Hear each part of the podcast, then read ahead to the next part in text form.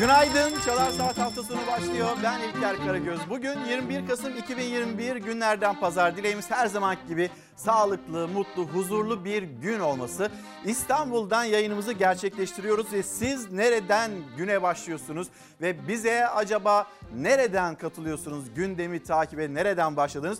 Lütfen bunları sosyal medya hesaplarımıza yazıp gönderin gündeminizde ne varsa. Bugün bizim başlığımız ağır geliyor. Şimdi bir tarafta geçim kaygısı var ve geçim kaygısını yaşayan o sorunu yaşayan ekonomik kriz deniliyor ya da ne bileyim bir sıkıntı bir sorun deniliyor adına ne derseniz deyin. Çarşıya pazara çıktığında o sorunla karşı karşıya kalan geçinemiyorum diyen insanlar var. Diğer tarafta olur mu öyle şey canım vatandaşımız zaten zekidir her şeyi de bilir cebinde parası yoksa otoyolları kullanmayı verir ya da ne bileyim başka başka kıyaslarla ekonomiyi tarif eden iktidar, iktidar içindeki bakanlar, milletvekilleri var. Bu cümleler aslında sorunu yaşayanlara ağır geliyor. Aynı zamanda mazota bakıyorsunuz, benzine bakıyorsunuz, hayatın her alanındaki pahalılığa bakıyorsunuz, döviz kurlarına bakıyorsunuz. O kadar yüksek ki ve bu şartlar altında yaşamak o kadar zor ki bu ağır geliyor. Vergiler, yüksek vergiler ağır geliyor. Asgari ücretli geçinemiyorum diyor. Memur geçinemiyorum diyor. Emekli geçinemiyorum diyor. Ama karşısında kurulan cümleler ben bunları abartı buluyorum. Abartılı ifadeler şeklinde geliyor. Bugün başlığımız o yüzden ağır geliyor. Bir de dün bir görüntü vardı aslında izlerken ya bakıyorsunuz sınır komşunuz Bulgaristan. Bulgaristan'dan gelenler 500 euroyla istedikleri her şeyi alıyorlar. Ve sonra işte burası ne kadar ucuz diyorlar kuyruklar oluşturuyor. Onlarda da bir kuyruk var. Hem gelirken kuyruk hem giderken sınır kapısında kuyruklar oluşuyor. Ama biz kendi ülkemizde istediğimiz gibi alışveriş yapamıyoruz. Çünkü cebimizde paramız yok. Çünkü her şey pahalı. İğneden ipliğe her şeyde her yeni günde maalesef zamlar geliyor. Bunu hep birlikte konuşalım. Ve yine sizin katılımınızı bekliyoruz. Çünkü Çalar Saat hafta sonu birlikte konuşarak gerçekleştirdiğimiz bir program. Gazetelere bakacağız. Gazetelerde siyasetle ilgili konular var. Onlara bakacağız ama en çok en çok ekonomiyi konuşmak istiyoruz. Şimdi başlangıcımızı genelde böyle yapıyoruz. Şöyle bir derin bir nefes alarak başlayalım. Şöyle bir İstanbul'da Fox TV'nin penceresinden bir bakalım tarihe Yarımada'ya. İstanbul'da yeni günün nasıl başladığını hemen bir gösterelim mesela sadece İstanbul için. O kadar dingin bir hava var ki dışarıda Dışarıda bir rüzgar yok, rüzgar esintisi yok. Bu arada maskem de kolumda kalmış. Hemen ben onu da çıkartayım İrfan'ın uyarısıyla. Güzel bir gün var İstanbul'da. Bakıyorsunuz Marmara genelinde böyle bir tablo var. Ama memleketin her yerinde de farklı farklı hava durumu var. Onu hemen aktaralım memleket havası diyelim sonra da gündeme gelelim. Ağır geliyor başlığı altında.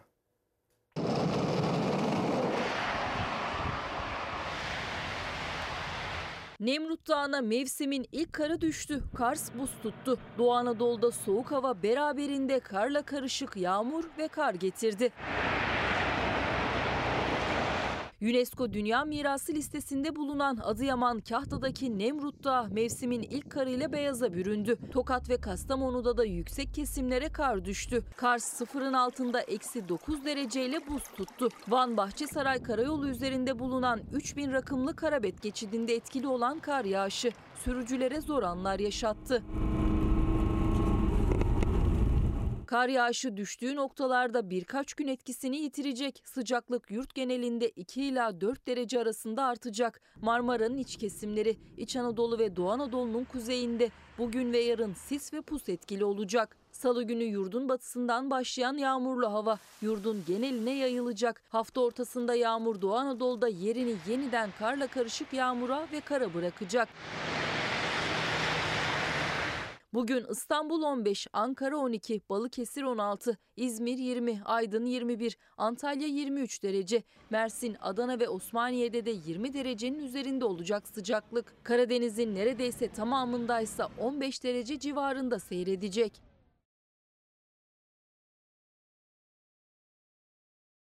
Selin Hanım günaydınlar. İzmir'den kocaman günaydın diyor. Feyza e, Hanım da Adana'dan bizlere selamlarını iletmiş. Şimdi yavaş yavaş gazetelere bir geçiş yapalım. Sözcü gazetesiyle başlayalım. Sözcü gazetesinin manşetinde milletin hali var. Millet ne durumda bir paylaşalım istiyoruz sizinle. Arabanın tekeri dönmüyor. Tencere kaynamıyor, ev ısınmıyor. Hesapsız projeler cüzdanları boşaltıyor, borçlar katlanıyor. Şimdi birer birer hani dört başlık altında Sözcü gazetesi bunları toplamaya gayret etmiş ki eklemeler de yapılabilir. Hatta otomotiv sektörüyle ilgili Erhan Usta'nın bir tespiti var. Ee, onu da birazdan sizlere e, ekranlarınıza getireceğiz. Sizinle de paylaşacağız. Bir, zamsız akaryakıt için gece yarısı kuyruğa girdiler. Dolardaki yükselişin benzine zam olarak yansıması halkı perişan etti ki biliyorduk. Hani bununla karşılaşacağımızı biliyorduk. Kuruşun hesabını yapanlar önceki gün benzine gelen 52 kuruş, motorine gelen 50 kuruş, LPG'ye gelen 45 kuruşluk zamma yakalanmamak için akaryakıt istasyonlarına koştu. Zam öncesi Türkiye'nin birçok yerinde akaryakıt istasyonlarında uzun kuyruklar oluştu. Vatandaş geçinemiyoruz, ekonomi çok kötü, her şeye zam geliyor. Zamdan önce depoları dolduralım istedik.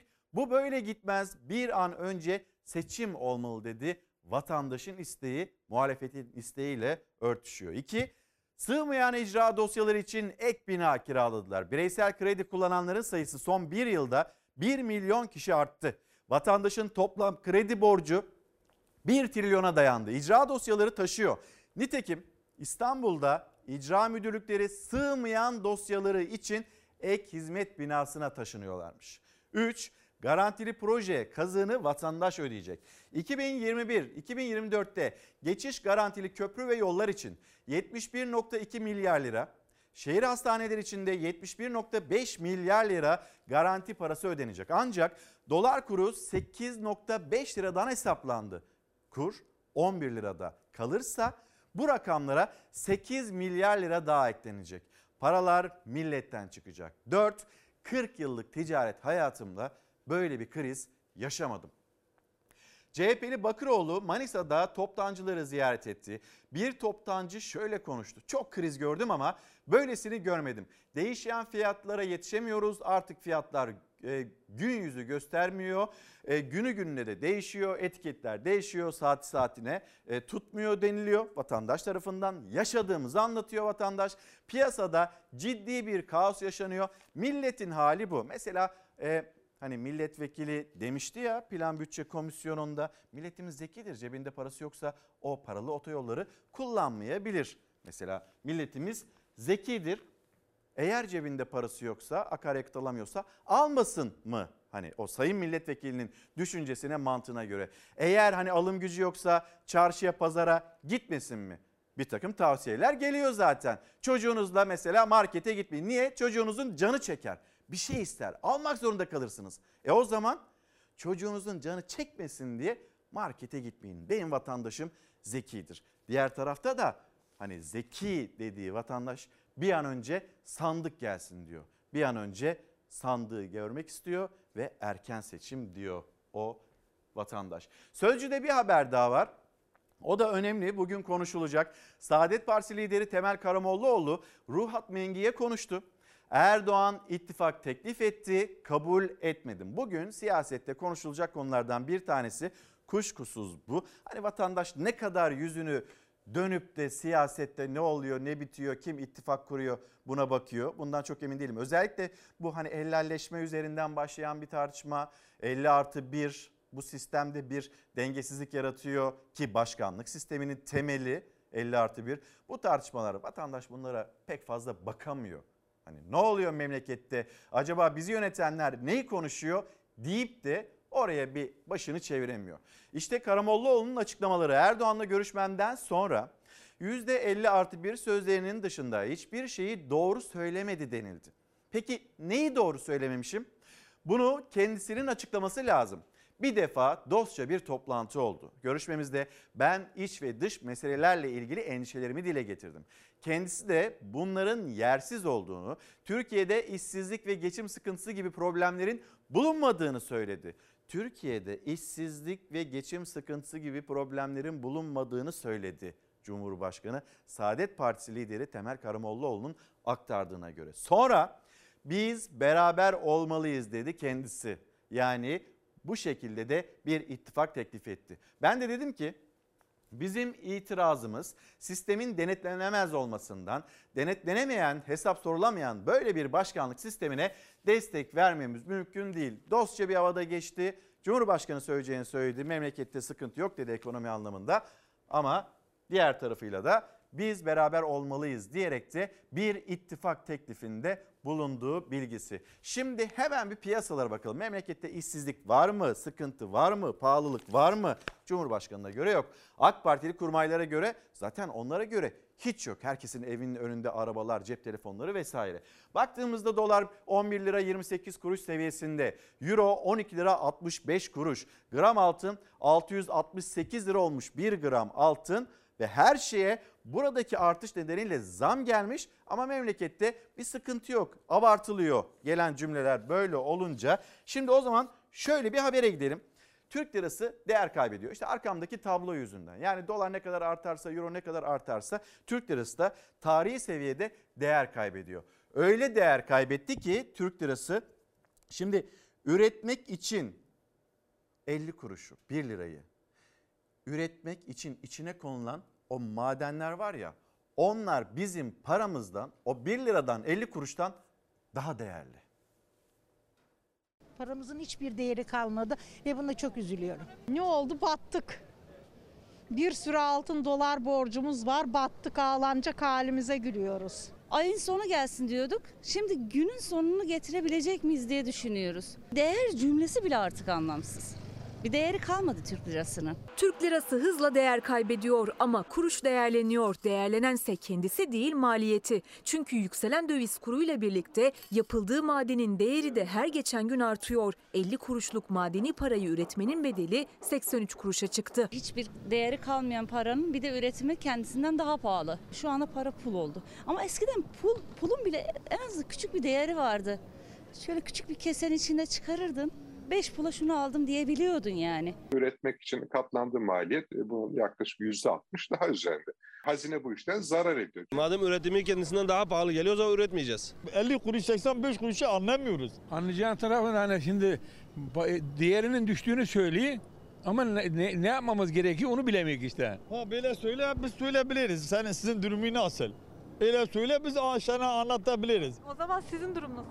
Bizim durumumuz herkesin durumu kötü. Bir Allah'ın durumu iyi yok. Dolar yükseldi, her şey yükseldi. Türk lirasının değeri? Kalmadı, hiçbir şey kalmadı. Artan döviz kuru madeni para yapımında kullanılan bakır, nikel, çinko fiyatlarını da yükseltti. 50 kuruşun maliyetini %25 arttırdı. Paramız o kadar değersiz hale gelmiş ki onu üretmek için içine koyduğumuz malzemeler bile paranın kendisinden kıymetli hale gelmiş. 1 liranın üretim maliyeti de kendi değerine yetişti. Bir ay önce 74 kuruşa üretilen 1 lira artık 99 kuruşa üretilebiliyor. Bizim liramızın değeri düştü bütün para birimlerine karşı. Hep dolar dolar niye dolar deniyor onu anlamıyorum ben. Aslında konu bizim paramızın değer kaybetmesi bütün paralara karşı. Paramız tarihimizin hiçbir döneminde bu kadar savunmasız, bu kadar sahipsiz kalmamıştır. Yazı tura için paramızı havaya atmak tehlikelidir. Yere inene kadar para değer kaybetmektedir. Hızla değer kaybediyor Türk lirası. Değer kaybederken dolar da bir bir psikolojik eşikleri aşmayı sürdürdü. Aşarken hızını da arttırdı. Eskiden dolar yıllar içinde yükselirken aylara indi bu hız. 7 liradan 8 liraya çıkması 3 ay, 8 liradan 9 liraya çıkması 2 ay aldı. Bir ay içinde 9 liradan 10 liraya yükselirken 11 lirayı görmesi ise sadece bir hafta sürdü. Bir hafta içerisinde işte bu hafta içerisindeki değer kaybı yüzde onun üzerinde. Türk lirasını döviz cinsinden artık fiyatlamak bile çok zor. Bir saat içerisinde bile yüzde beş değişebiliyorsa bu Türkiye'de artan belirsizliğin ve risklerin ne kadar yüksek olduğunu gösteriyor. 50 milyar borç aldım. Bir hafta içinde 65 milyara çıktı. E ne oldu? Daha da fakirleşti. Parası olana yarıyor, fakir olana yaramıyor ki bu sistem. Kelime yok ya. Yazık. Vallahi de yazık, billahi de yazık. Haberde bir abimiz herkesin durumu çok kötü dedi. Herkesin değil. Durumu çok iyi olanlar var. Zaten durumu çok iyi olanlar, durumu çok kötü olanları anlamıyor. O yüzden biz bunları yaşıyoruz. Yeni Çağ Gazetesi ve manşeti. Milletin gazabından kurtuluşunuz yok. Denizde konuşan İyi Parti lideri Akşener iktidara yüklendi. Akşener Sanıyor ki biz sussak sıkıntı kalmayacak. Bizden kurtulsalar vicdan ve tarihin azabından, milletin gazabından kurtulamazlar dedi. Memleketin darda, milletin zorda olduğunu vurgulayan Akşener. Anneler tenceresini dolduramıyor, babalar eve ekmek götüremiyor, evlatlar yurt dışına kaçma derdinde. Açız diyenlere abartma diyenleri söylemek için abartma ifadeleri işte hani tam da az önce konuştuğumuz bir tarafta durumu çok iyi olanlar var. Diğer tarafta ya biz perişanız, geçinemiyoruz diyenler ve onların anlaşılamıyor olması, onların yaşadığı problemin görülmüyor olması. Birazdan bir un üreticisi, bir çiftçi, bir esnaf onun yaşadığı durumu da ekranlarınıza taşıyacağız. Erdoğan'ın vatandaşın feryadını duymak istemediğini belirten Akşener ya bu insanları duyacak gerçeklerle heh, şöyle düzelteyim. Ya bu insanları duyacak gerçeklerle yüzleşeceksin ya da sandık geldiğinde milletin okkalı tokadını yiyeceksin. Bu kadar basit. Milletin şaşmaz iradesi son sözünü söyler dedi. Denizli'de de aslında Meral Akşener miting yolculuğuna başladı. Seçim yolculuğunu başlattı Deniz'de. Vermiş olduğu mesajlarda bu şekilde. Tekrar dönecek olursak memlekette işsizlik yok diyebilir miyiz? Diyorlar ama var. Memlekette hani abartılacak bir durum yok deniliyor. Doğru mudur bu? Hayır aslında gerçekten bu kadar inanılmaz bir değer kaybından sonra Türk lirasının değer kaybından sonra memlekette bir an önce düzeltilmesi gereken ve ekonomik anlamda abartılması gereken abartılı bir şekilde müdahale edilmesi pansuman mı ya da neyse hani onun ifadesi bunun yapılması gerekiyor. Şu anda bizim yaşadığımız bu ve bunu bize bir üretici çok da güzel anlatıyor. Şimdi onu izleyeceksiniz. Ekmek 1 lira 40 kuruştu. Evet. 35 kuruş zam aldık. 1.75 oldu. Sevineceğimiz yerde üzüldük.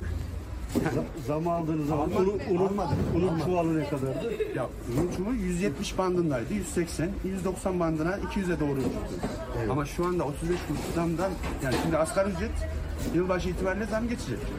Yani sigorta, bağkur yani saymıyoruz. Doğalgaz, elektrik onları hiç saymıyoruz. Şu anda az önce yani tesadüf oldu. Un yok. Un yok.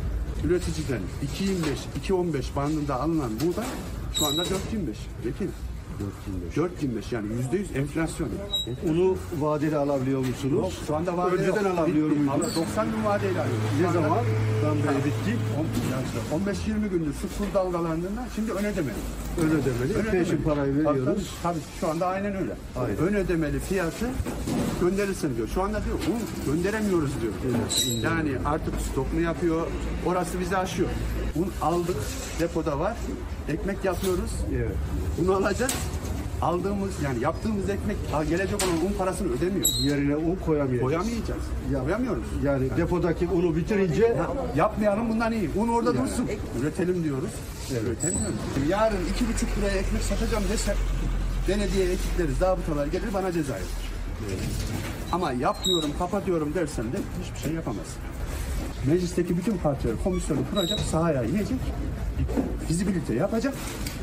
sahada ne olduğunu Sağ- görecek, ona göre çözümü üretecek yani. diyorsun. Şimdi ya, benim cebimden akşam yattığımda, sabah kalktığımdaki parayı cebimden çekmeyecek.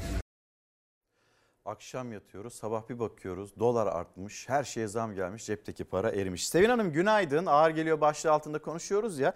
Sevin Hanım da bu zamların ardı arkası kesilmeyecek mi diye soran izleyicilerimizden birisi. Ve geçim, bu şartlarda geçim ağır geliyor diyor.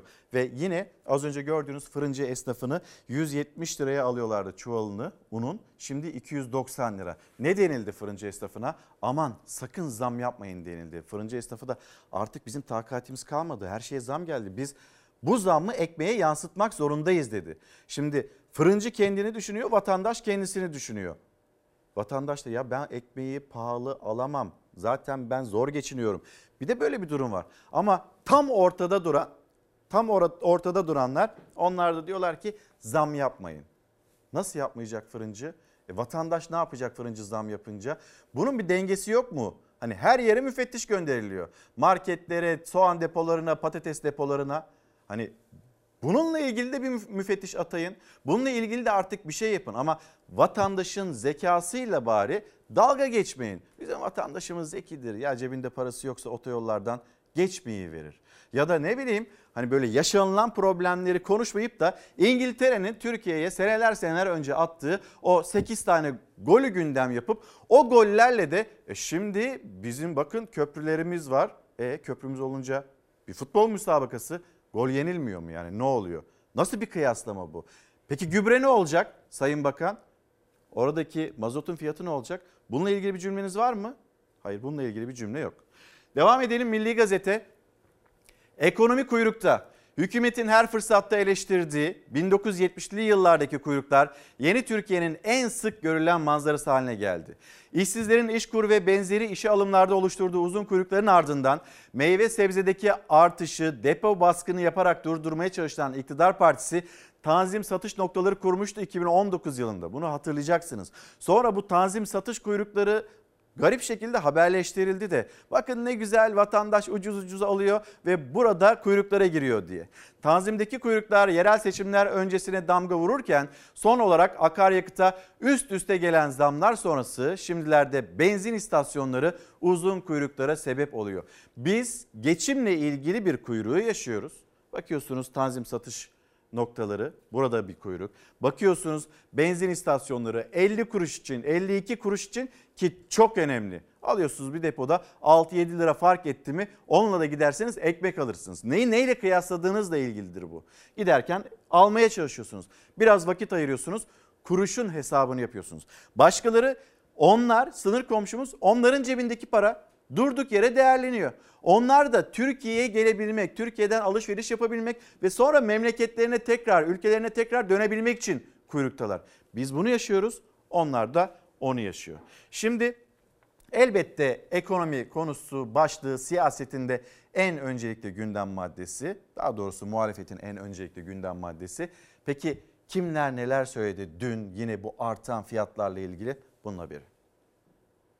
Saray iktidarı tümden aklını yitirmiş durumda. Ülkeyi de halkımızı da gözden çıkarmış. Biz saraydan artık durmasını istiyoruz. Sadece durmasını. Son felaket 2001 yılındaki krizde bile 1.2 lira olan dolar bugün 11 lira. Her gün her saat fakirleşiyoruz. Benzine, motorine, LPG'ye gece yarısı zam geliyor. Millet akaryakıt kuyruğunda çile çekiyor. İktidar 3 maymunu oynuyor. Hemen acil seçim. Faiz indi, döviz fırladı, akaryakıta gelen zam, gıda fiyatlarındaki artış ve bazı yerlerde kotalı satış muhalefeti harekete geçirdi. O şahsa açık ve net sesleniyorum. Tarımsal üretimde kullanılan mazottan KDV önümüzdeki 6 ay boyunca kaldırılmalı. Gıda ürünlerinin çoğunda uygulanan %8'lik KDV önümüzdeki 6 ay boyunca sıfırlanmalı. Kılıçdaroğlu ekonomik şartlar ağırlaştı, kara kış kapıda dedi. Cumhurbaşkanı Erdoğan'a kara kış fonunu hemen kur, acil olarak dediklerimi yap diyerek 6 madde saydı. Gıdada yaşanan ve yaşanabilecek sıkıntılara karşı marketlere de seslendi. Kış boyunca 10 temel gıda ürününe zam yapmayın diyerek. Un, yağ, süt, makarna ve her ay bir çeşit sebze. Bu ürünlere zam yapmayın. İktidara gelir gelmez bu süreçte oluşan tüm zararlarınızı kesinlikle hızla telafi edeceğiz. Merkez Bankası'nın faiz kararı ve dövizin önlenemez yükselişi siyaseti kasıp kavurdu. Muhalefet liderlerine göre tek bir sorumlu var. Cumhurbaşkanı Erdoğan ve onun yanlış ekonomi politikalarındaki ısrarı. Tarih 5 Eylül 2021. Resmi gazetede Cumhurbaşkanı'nın imzasıyla bir orta vadeli ekonomi programı açıklandı. Şaka gibi mi? Daha 2021 yılı bitmeden kur 11'i geçti. Bu nasıl bir plansızlık ya? Bu nasıl bir hesapsızlık? Döviz kurlarındaki artışın makul, mantıklı, işin kitabına uygun hiçbir izahı yoktur. 50 kere söyledik. Enflasyon düşmeden faiz indirirsen döviz artar. Sayın Erdoğan nedense 10 seferdir anlamıyor. Her seferinde çarpılıyor ama yine de gidip o parmağı o prize sokuyor. Ya zeka sorunu var ya da niyeti kötü. Bunların kafası basmaz. Ben ekonomistim. Mümkün değil. Çünkü anlamıyorsun, bilmiyorsun. Geceleri döviz kurunu takip ederken uykularımız kaçıyor. Erdoğan'ın buram buram zeka kokan tercihlerinin sonuçları. Çok zeki ya çok. Döviz faiz polemiğinde Erdoğan kadar muhalefetin hedefinde Merkez Bankası da var. Memleket Partisi lideri Muharrem İnce 2020 Haziran ayına ve o dönem yapılan para takası anlaşmasına dikkat çekti. Çarpıcı bir iddiayı dillendirdi. O zaman dolar 6.76 idi. Hiçbir devlet yetkilisi buna cevap vermedi şimdiye kadar. Tekrar söylüyorum. Katar'la yaptığınız swap anlaşmasında doları 12,5 lira üzerinden mi anlaştınız? Bu milletin paralarını böyle mi soydunuz? Şimdi vatandaş o biraz daha böyle uyguna alayım diye ya da pahalılıktan etkilenmeyeyim diye o kuyruklara giriyor. Benzin kuyruğuna ne bileyim mazot kuyruğuna ben 5 lira 6 lira gibi bir hani ne kadarsa kar elde etmeye çalışıyor. Karşılığı da e, ekmek alır ya da başka bir ihtiyacı. Sonra hani onunla başka bir ihtiyacını gidermeye çalışır. Bunu anlatmaya çalışırken şu detayı atlamışım paylaşayım. Depoda ne kadar fark ettiğini aslında Milli Gazete'de de görüyoruz. Depoda 20 lira kar için sıra bekleniyor. Son olarak akaryakıt istasyonları uzun araç kuyruklarına sahne oluyor. Akaryakıta üst üste gelen zamlar araç sahiplerini depoda yaklaşık 20 lira kar etmek için dakikalarca kuyrukta bekletiyor. Vatandaşın cebine bu denli ateşin düştüğü dönemde iktidar partisi hala kuyrukları görmüyor. 20 lira demekte ekmek 2,5 lira 8 tane ekmek demek. Hani az önceki hesabımıza göre 1 lira ucuza almak için sıra beklediler iktidar görmedi. Bu kuyruklar var görülmüyor sonra bir problem yok. Abartıldığı gibi bir durum yok. Her şey kontrolümüz altında deniliyor. Merkez Bankası bir karar alıyor dolar fırlıyor. Acaba kulislerde Lütfi Elvan, Hazine ve Maliye Bakanı gidecek mi? Herkes saat gözünü 12'de resmi gazeteye dikiyor. Acaba bir şey olacak mı? Niye? Lütfi Elvan'la Cumhurbaşkanı Erdoğan şöyle bir tezde çatışıyorlar. Faiz sebep enflasyon sonuç. Şimdi Lütfi Elvan'a göre çok mantıklı bir bakış açısı gelmiyor demek ki. E şimdi Lütfi Elvan'ın da gideceği konuşuluyor. E giderse ne olur? E yine dolar artacak. Yine döviz kurunu vuracak. Yine pahalılık olacak. Peki ne yapılması gerekiyor? E bunu konuşulması gerekmiyor mu? Birazdan Deniz abi de gelecek. Sözcü gazetesi yazarı Deniz Zeyrek. Onda kulis bilgiler vardı. Belki kaçırmışsınızdır. E, orta sayfa programında bir kısmını anlattı. Yeni eklenen bilgiler de var. Lütfü Elvan gidecek mi, gitmeyecek mi? Bu Merkez Bankası'nın faiz indirme kararından önce acaba Beştepe'ye gittiler, ne yapmaya çalıştılar, ikna etme çabaları nasıl sonuçlandı, orada nasıl bir karşılık geldi? Bununla ilgili yeni kulis bilgileri de var. Onları da paylaşacağız. Bir koronavirüs gündemine geçelim. Pardon çok özür dilerim bir haber daha var Milli Gazete'de. Güler misin, ağlar mısın? Milli Gazete'de bir çayla ilgili haber var. Hani güler misin, ağlar mısın dedirten bir haberi aktarmadan ilerlemeyelim. Türkiye'de çayın başkenti olarak adlandırılan Rize'de Kafe ve çay ocaklarında tüketilen çay vatandaşların hem elini hem de cebini yakıyor. İl genelinde 49.960 hektarlık alana yayılan çay Rizelilerin geçim kaynağı olmakla beraber tüm Türkiye'de olduğu gibi Rize'de de en çok tüketilen sıcak içecekler arasında yer alıyor. Yıllık ortalama 1 milyonu aşkın yaş çay karşılığında üretilen 300 bin tona yakın kuru çay Rize'den tüm Türkiye'ye yayılıyor. Buna rağmen Rizeliler çay ocaklarına 2 liradan başlayan bir bardak çayı kafelerde ise neredeyse 10 lirayı bulan fiyatlardan içebiliyor. Bu durumsa Rizelileri fazlasıyla rahatsız ediyor. Dünyanın önde gelen çay üretim merkezinde tablonun böyle olduğunu aktarıyor Milli Gazete. Şimdi koronavirüs gündemine geçeceğiz. Sağlık Bakanı Fahrettin Koca'nın sosyal medya paylaşımı var. Bu arada Türk Tabipleri Birliği'nin eski başkanı Sinan Adıyaman'ın da bir paylaşımı var. Salgın baskılanamıyor. Resmi rakamlara göre 1 Kasım'dan bugüne kadar COVID-19 ölüm sayısı 4236 oldu. Belediye rakamları bulaşıcı hastalık nedenli ölümlerin bu rakamların çok çok üzerinde olduğunu söylüyor. Kara kış sürüyor. Yani biz ekonomiyle ilgili bir kara kışı yaşarken salgınla ilgili de bir kara kışı yaşıyoruz. Daha da ilerisini yaşamayalım diye rica cümleleri Sağlık Bakanı'ndan gelmeye devam ediyor. İki doz aşısını yaptıranların sayısı bugün 50 milyonu geçti. İki doz aşılar şu an toplam nüfusun %60'ına karşılık geliyor. Aşı konusunda halen kararsız olanlar 50 milyonun kararını örnek almalı dedi Sağlık Bakanı Fahrettin Koca. Bir de Türkiye'nin tablosuna bakalım.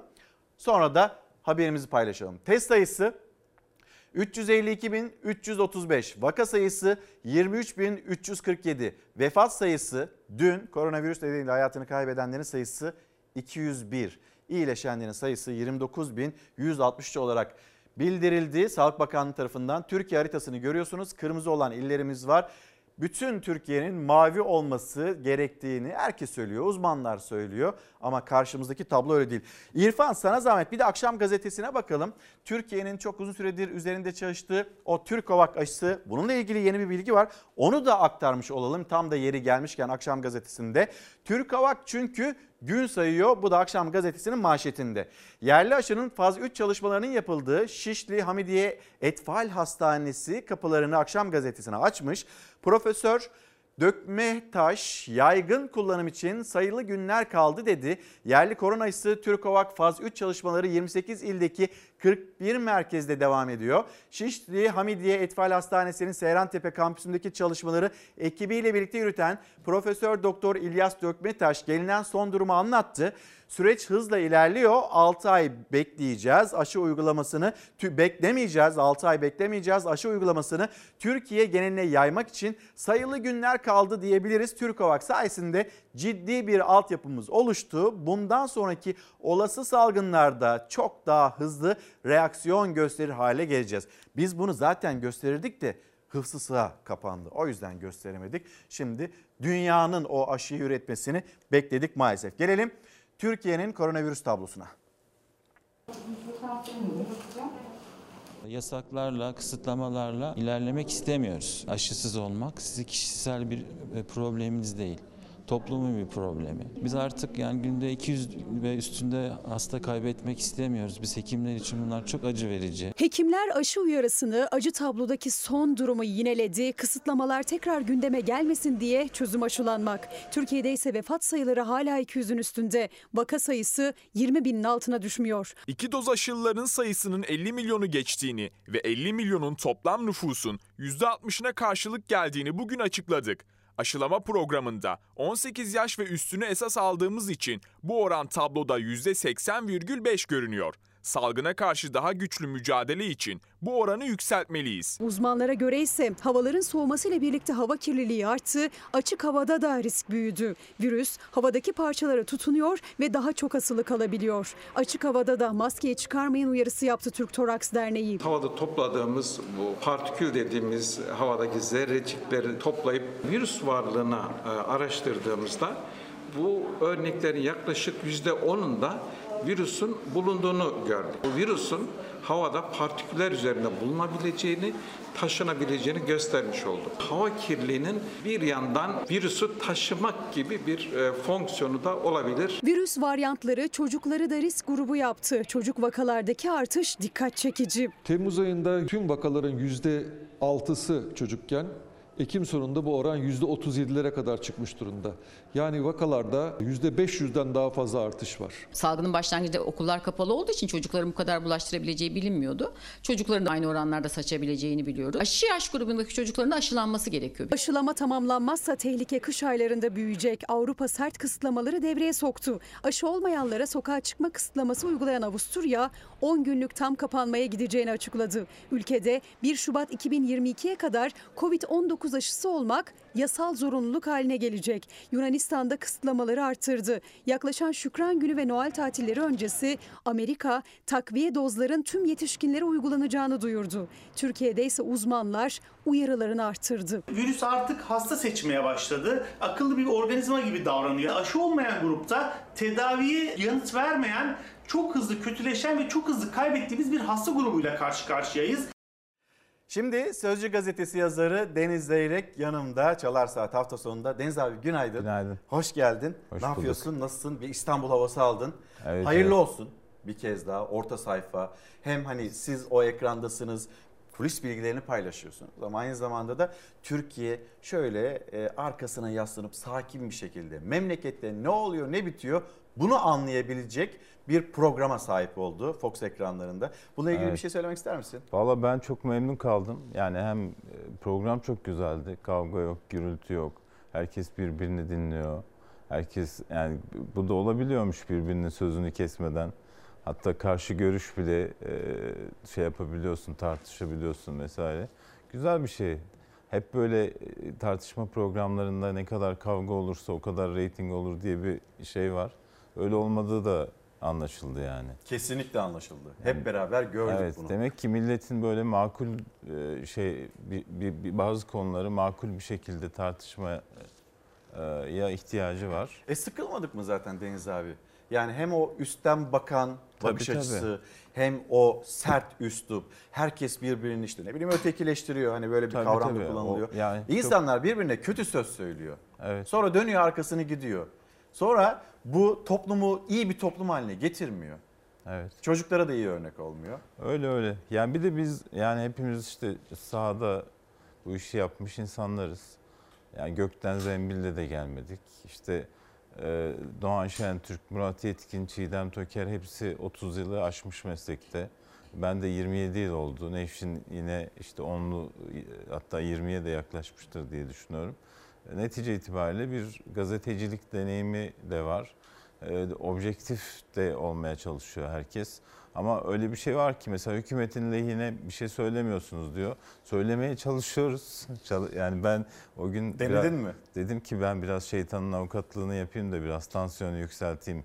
Hükümet lehine de bir şeyler söyleyeyim ama bulamadım ekonomiyle ilgili.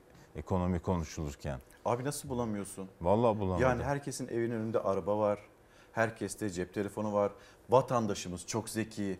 Parası yoksa e, gitmeyi verir o otoyollardan. Hatta Binali Yıldırım'ın az sonra ya aslında Öznur şimdi verelim mi İrfan şimdi verelim. Binali Yıldırım'ın ya nasıl bulamıyorsun? O kadar mahirler ki hemen bulabiliyor mesela e, yönetenler AK Parti Evet. cephesi bunu bulabiliyor. Güzel şeyler oluyor diye. Bakın Binali Yıldırım hani aksakallı Türkiye'nin aksakallı e, yeni hani görevine başlamış ismi memleketinde yanılmıyorsam ekonomide güzel şeyler olduğunu nasıl tarif ediyor? Bu pandeminin getirdiği belirsizlik bütün dünyayı kasıp kavuruyor. Bunu bir yaşadığımız hayat pahalılığı, efendim yaşadığımız bu ekonomideki dalgalanmalara bir mazeret olarak söylemiyorum. Bu bir gerçek, bu bir durum tespiti. Amerika, Avrupa denen ülkeler bunlar enflasyon diye bir şey bilmiyordu. Bugün Amerika'da sıfırdan yüzde yediye çıkmış enflasyon. Bu ne demektir? Yedi kat artış. E bizde onlardan 20'ye çıkmış iki kat artış. İyi mi? Değil. Şunu söylemek istiyorum. Belirsizliği yönetemezsiniz. Hiçbir ülke belirsizliği yönetemez. Kriz yönetilir, belirsizlik yönetilemez. Hepimizin umudu bu belanın bir an önce def olmasıdır. Aslında güzel bilgiler doneler veriyor. Yani Sayın Binali Yıldırım Amerika'da 7 kat bizde 2 kat 10'dan 20'ye geldi. Onlar 7 katını yaşıyorlar şimdi. Hani Amerika enflasyonla mücadele etmeyi bilmediği için bizim vatandaşımız zaten e, bu mücadeleye hazır ve nazır. Senelerdir zaten bu Evet. mücadelenin içinde. Tabii ki doğru değil ama diyerek vermiş olduğu örnek doğru mu peki? Değil tabii ki. Bir de rakam da doğru değil. Amerika'da 5 civarında enflasyon. Öyle kat, kat artmıyor. Daha önce de 2,5 falandı. Yani iki, orada da 2 kat artış ama yani bu şöyle bir hesap yapıyorlar. Ee, hani bir- gidin bir kahve için Amerika'da 3 dolar yani çarp 11 ile 33 liraya kahve içiyorsun diyorlar mesela. Ya iyi de adam 2500 dolar asgari ücret alıyor. 2500 dolar asgari ücretle iki tane şu pahalı akıllı, akıllı telefondan alabiliyorsun. Yani bir asgari ücretli Amerika'da iki tane o akıllı telefondan satın alabiliyor bir maaşıyla. Bizde nasıl? 2800 liraya. Tamamını ona harcasan şu anda bildiğim Modeline kadarıyla... göre kaç defa şey vermen Ben gerekiyor? sonuncusunu diyorum yani. Şu anda Sonuncusu çok Türkiye'de pahalı. 20 bin lira falan. Çok çok pahalı. Neredeyse 7, 7 asgari ücret değil mi? 7, 7 asgari ücretini vermen gerekiyor. O iki, iki maaşıyla alıyor. Sen 7 maaşını alıyorsun. Pardon o bir maaşıyla iki tane alıyor. Sen 7 maaşınla bir tane alabiliyorsun. Abi şimdi Japonya ile dertlendiğimiz Ya kadar o da ben ona da şok oldum. Sonra e, Biliyorsun ne o- bileyim o- ABD ile dertlendiğimiz kadar dertlenmedik. Hani bizim karşımıza da böyle bir tablo çıkıyor. Şimdi sen ben bulamadım hani ekonomiyle ilgili güzel bir şey söylemek istedim. Şeytanın avukatlığını yapayım dedin. Ama ben şimdi bak senin için bulayım. Mesela dün akşam ana haberde de belki izleyicilerimiz takip etmiştir. Tarım Bakanı'nın Türkiye İngiltere maçı kıyaslaması var. Sonra bir başka milletvekilinin vatandaşın e, zekası ile ilgili bir tarif var. Onu da izleyelim. Hani ben Vallahi senin izleyelim. böyle bir sonraki Tam- program için altını doldurayım. Hani o programda söylersin, anlatırsın diye. Tam post-truth çağında yaşıyoruz. Yani gerçeğin ötesine geçmişiz. Ee, öyle bir şey yapıyorlar. Algıyla vatandaşın duygularına hitap ederek, siyasi görüşlerine hitap ederek gerçeği e, farklı göstermeye çalışıyorlar. Yani e, ama yani durum öyle değil. Vatandaş yaşıyor. Onların gözünde hani bu açıklamaları yapanların gözünde durum nasıl aktaralım. Eskiden İngiltere gelip 8 tane gol atarak giderdi Türkiye. Son 7 senede Türkiye artık hakikaten her konuda iddialı. İngiltere 8 gol atıp giderdi diye açıklama yapmak minareye kılıf bulmaktır. Havalimanlarının en büyüğü yine bizde. Köprülerin en uzunları, en büyükleri bizde. Hayırdır biz seni Tarım Bakanı biliyorduk. Hoş zaten Tarım Bakanlığı yaptığın yok da. Çiftçi tarlasına gübre atamıyor. Sayın Tarım Bakanı hayvan üreticisi hayvanla yem alamıyor. Sen önce işine bak. Tarım ve Orman Bakanı Bekir Pakdemir'le yapılan yolları, köprüleri, barajları anlattı. Muhalefetten sen kendi işine bak çıkışı geldi. Alt geçitler, üst geçitler en iyisine, en yenisine, en büyüğüne imza atan ülke oldu. Buğdayı ithal ediyorsun, mercimeği ithal ediyorsun, nohudu ithal ediyorsun. Utanmadan yol yaptık, baraj yaptık diyorsun. Yazıklar olsun. Tarım ve Orman Bakanı yolları, köprüleri büyüklükleriyle överken Ulaştırma Bakanlığı'nın bütçesinde de garanti ödemelerinin büyüklüğü tartışma konusuydu. Garanti ödemesi her yıl için bir defa yani ikiye çıkarılarak ödeme tarihleri erkene çekilmiştir. Garanti ödemesine kur güncellemesi her yıl için bir defadan ikiye çıkarılmıştır. CHP'li Deniz Yavuz Yılmaz, Sayıştay'ın yayımlanmayan ama taslak olarak resmi kayıtlara geçen raporunda hazine garantili köprü ve otoyolları inşa eden şirketlerle yapılan sözleşmede değişikliğe gidildiğini, bu yüzden devletin kasasından şirketlere hem daha erken hem de daha çok para çıktığını iddia etti. Bakın Sayıştay raporu söylüyor. 2020 yılında 8,5 milyar liralık garanti ödemeleri 10 ay erken ödenmiştir. 884 milyon 931 bin lira daha fazla gelir elde etmiştir. İktidar döviz kuru üzerinden geçiş garantisi vermeye ise devam ediyor. 15 euro artı KDV olan Çanakkale Köprüsü'nün geçiş ücreti daha açılmadan euronun artmasıyla bir haftada 18 lira zamlandı. AK Partili Uğur Aydemir'in yine plan bütçede gündeme gelen köprü otoyol geçişlerinin pahalılığıyla ilgili eleştirilere verdiği yanıtsa dikkat çekti. İstanbul'dan İzmir'e gidip gelen bir yurttaşımız köprü ve otoyollar için giderken 1150 TL, dönüşte 1150 TL ödemek zorunda. 1000 TL'de mazot yaksa maliyeti tam 3300 TL. Vatandaşlarımız çok zekidir, akıllıdır. Elini cebine atarlar, yola çıkarken kendilerini bir kontrol ederler. Eğer cebinde parası yoksa eski yolu kullanır. Sayın Uğur Aydemir o köprülerin, o otoyolların yalnızca zenginler için yapıldığını itiraf etmiş. Yani olabilir, para kalmayabilir. Başınızı kaldırın. Bakın ne kadar güzel yollar yapılmış. Gözünüz gönlünüz açılsın. Recep Tayyip Erdoğan'a sesleniyorum. Allah'ını seviyorsan sustur şunları. Konuştukça seni batırıyorlar, konuştukça milleti çıldırtıyorlar. Önceden havada kuşlar, böcekler uçuyordu. Şimdi Türk Hava Yolları uçuyor diyen AK Parti milletvekillerimiz var. 20 yıl öncesine kadar havada sadece kuşlar böcekler uçuyordu. Şimdi Türk Hava Yolları uçuyor diyen de AK Partili Öznur Çalık. Onun da sözleri Plan Bütçe Komisyon tutanaklarına geçti. Muhalefetten iktidar vekillerine meclisten çıkın bir de bunları halka anlatın tavsiyesi geldi. İnip sokakta bir pazar yerine bir gitsinler ya. Bir tanesi bir gitsin. Gitsinler bunları vatandaşa bir söylesinler bakalım ne oluyor.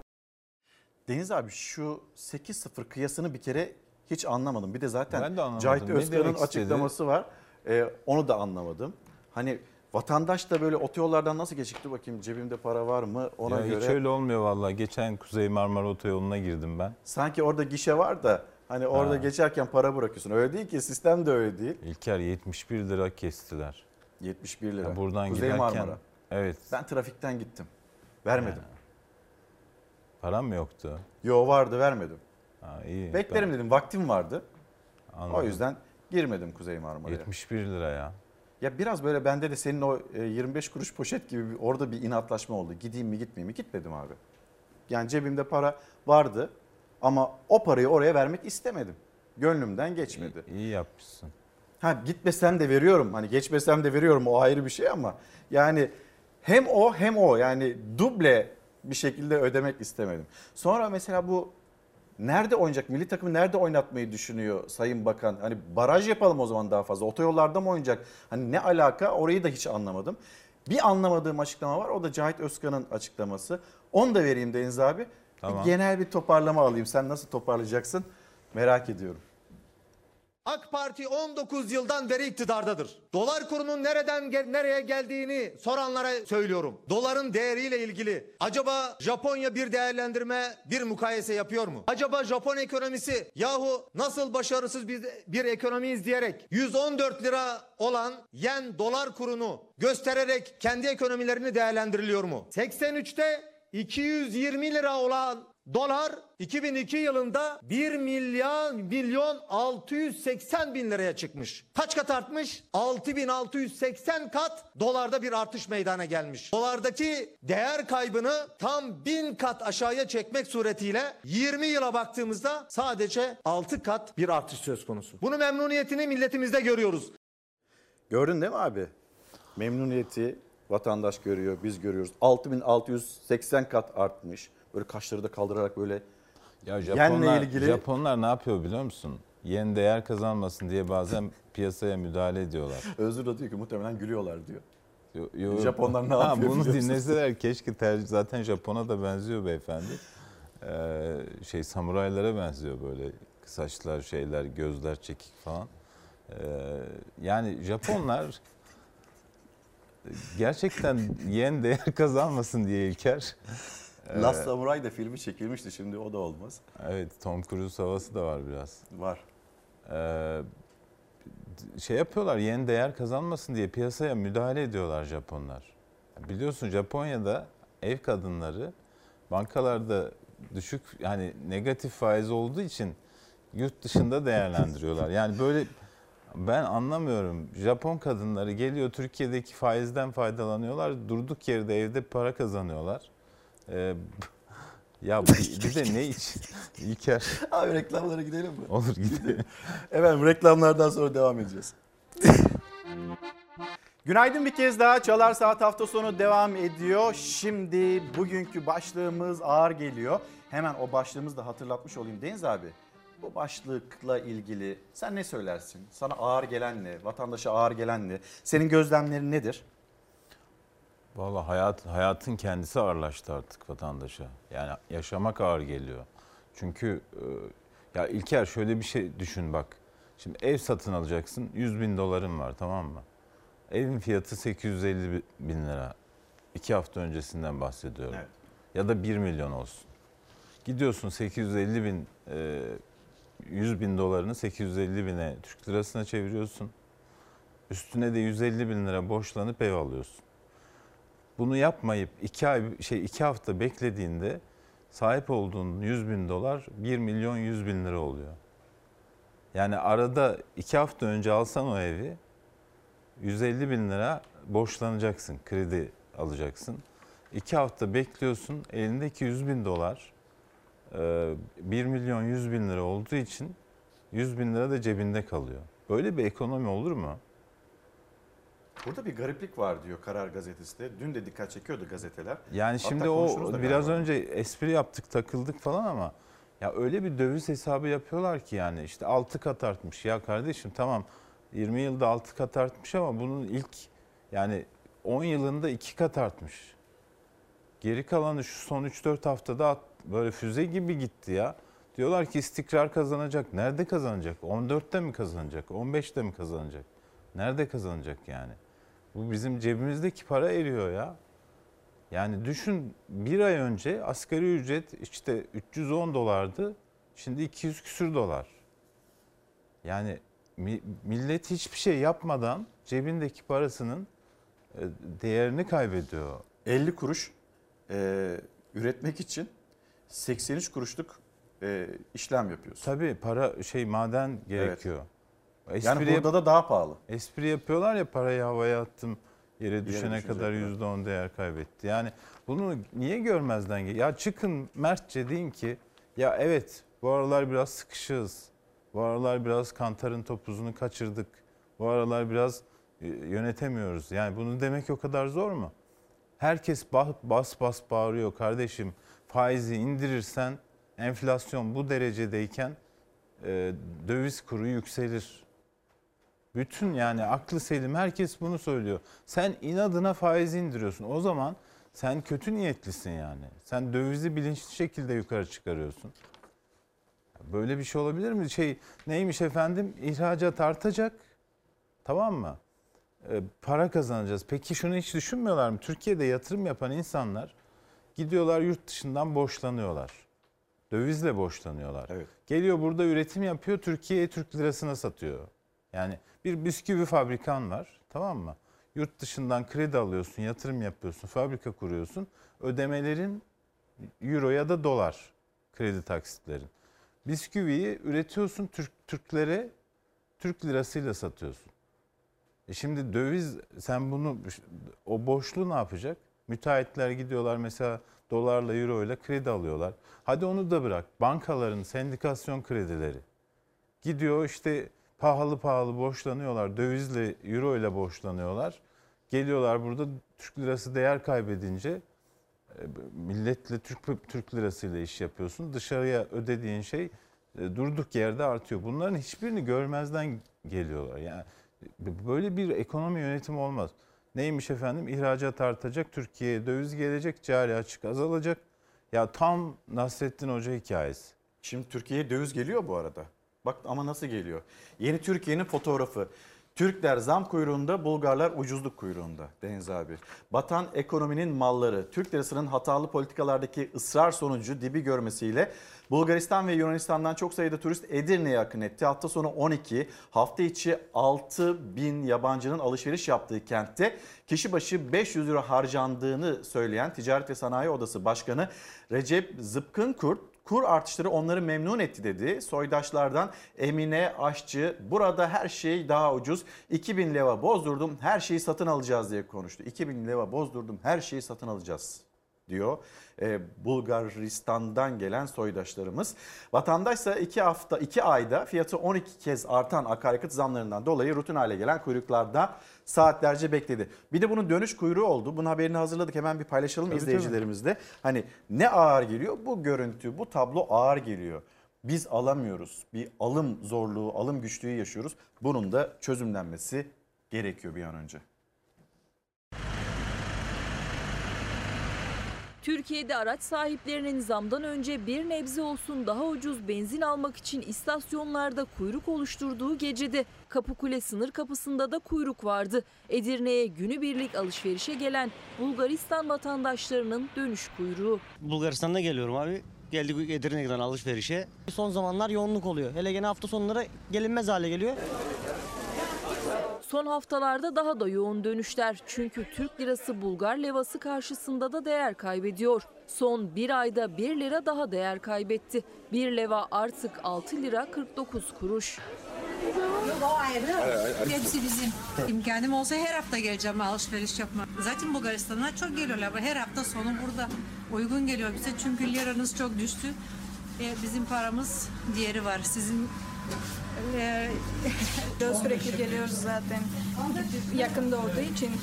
En çok ne alıyorsunuz? Am, kıyafet, e, ev için şeyler bizim için iyi yani şu an şimdilik arttığı için. Daha önceki günler bu kadar yoğun değildi. Bir gün 50 liraya aldın, yarın 60 lira diyorsun. Bu sefer müşteri ters tepki yapıyor. Bulgaristan'dan günübirlik alışverişe gelen vatandaşların alım gücü artıyor. Temizlik ve gıda malzemeleri için özellikle tercih ediyorlar Edirne'yi. Onlar çok memnun. Biz memnun değiliz ama onlar çok memnun. Neden? Adam 100 lira bozduruyor, 600 lira yapıyor. 600 liraya bir haftalık yiyeceğini alabiliyor.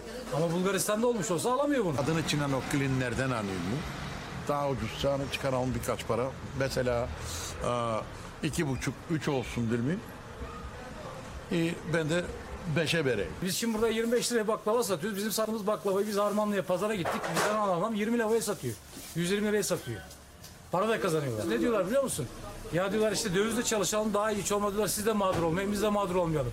Buna bir fiyat belirleyelim. Mesela 10 euro belirleyelim. Sana hep 10 eurodan getirelim. Ama 9 lira olur ama 15 lira olur. Hep 10 eurodan al diyorlar.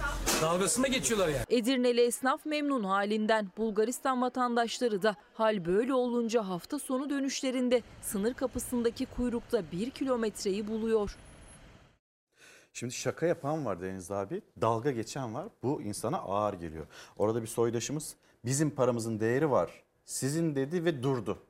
Evet. Yani dili mi varmadı artık ne diyeceğini mi bilemedi. Sizin derken kendisi de soydaş sonuçta. Kendisi de Tür- Evet. Türkiye'ye karşı bir yakınlık hissediyor.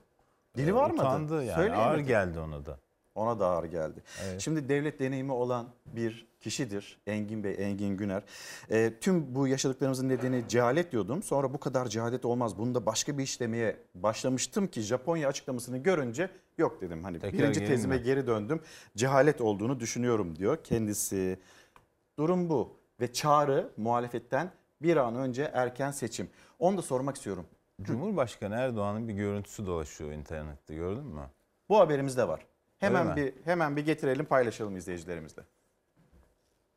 Sayın Erdoğan artık köprüden önceki son çıkıştasın. Ya milletini duyacak ve gereğini yapacaksın ya da ilk seçimde boyunun ölçüsünü alacaksın. Ya saraydaki sefana ara verip gerçeklerle yüzleşeceksin ya da sandık geldiğinde milletin okkalı şamarını yiyeceksin. Bunların suyu kaynadı ama bunların suyunu tam manasıyla kaynatmaya var mıyız? Abbas'ın yolcu olduğunun onlar da farkında. Sen tıpış tıpış gidiyorsun ama biz kalmaya geldik. İyi Parti seçim mitinglerine başladı. Meral Akşener 5 yıl önce hürriyet ve demokrasi kıvılcımını ilk yaktığımız yer dedi. Erdoğan'a seçim restini Denizli'den çekti.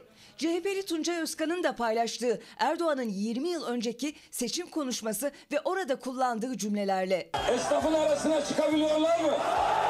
Pamuk tarlasına girebiliyorlar mı? Öyleyse tek çözüm kalıyor. Seçim, seçim, seçim. Şimdi ben de size soruyorum. Aranıza gelmeye yüzleri var mı? Çarşıda, pazarda gezebiliyorlar mı? Aynı Sayın Erdoğan'ın bundan 20 yıl önce söylediği gibi.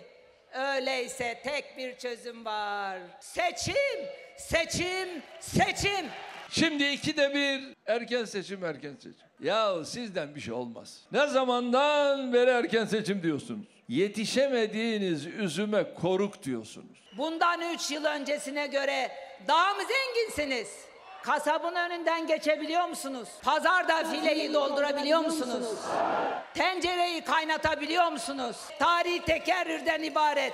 İşte Sayın Erdoğan'ın devri iktidarında tencereler birbirine vuruyor. Denizli Meydanı'nda boş tencere çalındı artık yeter ve Başbakan Meral Akşener pankartları dikkat çekti. Meral Akşener iyileştirilmiş ve güçlendirilmiş parlamenter sistem vurgusuyla ve iktidara eleştirilerle seçim mitinglerinden ilkini yaptı. İyileştirilmiş ve güçlendirilmiş parlamenter sistem gelecek. Milletin sırtındaki keneler düşecek. Milletin kafasındaki bitler de düşecek. 83 milyon 5 müteahhitten büyüktür. Herkes görecek. Haram hortumları kesilecek.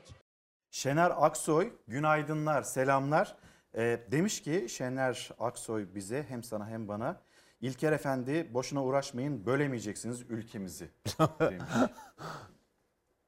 Yani Cahit Özkan kadar komik aslında değil mi hani bu Ya. mesajı da. Şimdi Hocam ama o beyefendiye ben söylüyorum. Böyle bol keseden şeylik yapmasınlar. Ülkeyi bölmeye kalkan karşısında bizi bulur. Oturup bilgisayar başında, klavyenin başında bol keseden kahramanlık taslıyorlar. Ki hiç kimse kusura bakmasın. Bu, bu, bu stüdyodaki herkes bu ülkenin bir gram toprağı için vücudundaki 20 kilo kanı dökmeye hazırdır. Bıraksınlar bu milliyetçilik ayaklarını falan. Yani bir şeyi savunamadıklarında e, kötü işte ya. Kötü bir ekonomi. kötüye kötü demeyeceğiz. Ne diyeceğiz? Yani Şener bunu ne hemen istiyor, ne hemen istiyor ülkeyi mesela? ne alakası var ülkeyi bölmekle ya? Biz bu ülkeyi refah içinde müreffeh bir toplum olsun istiyoruz. Zengin bir toplum olsun istiyoruz. Bunun için mücadele ediyoruz. Yani ülkeyi bölmek ne demek ya? Bu ben bu son zamanlarda en çok kızdığım şey bu biliyor musun? Ya diyorsun ki ya kardeşim 99 liraya ayçiçek yağı mı olur diyorsun. Vay bölücü. Ya bölücü sensin. Yani ayçiçek yağını bardakla satmak zorunda kalıyorlar esnaflar. Deniz abi. Yani Boji'ye kumpas kurdular ya.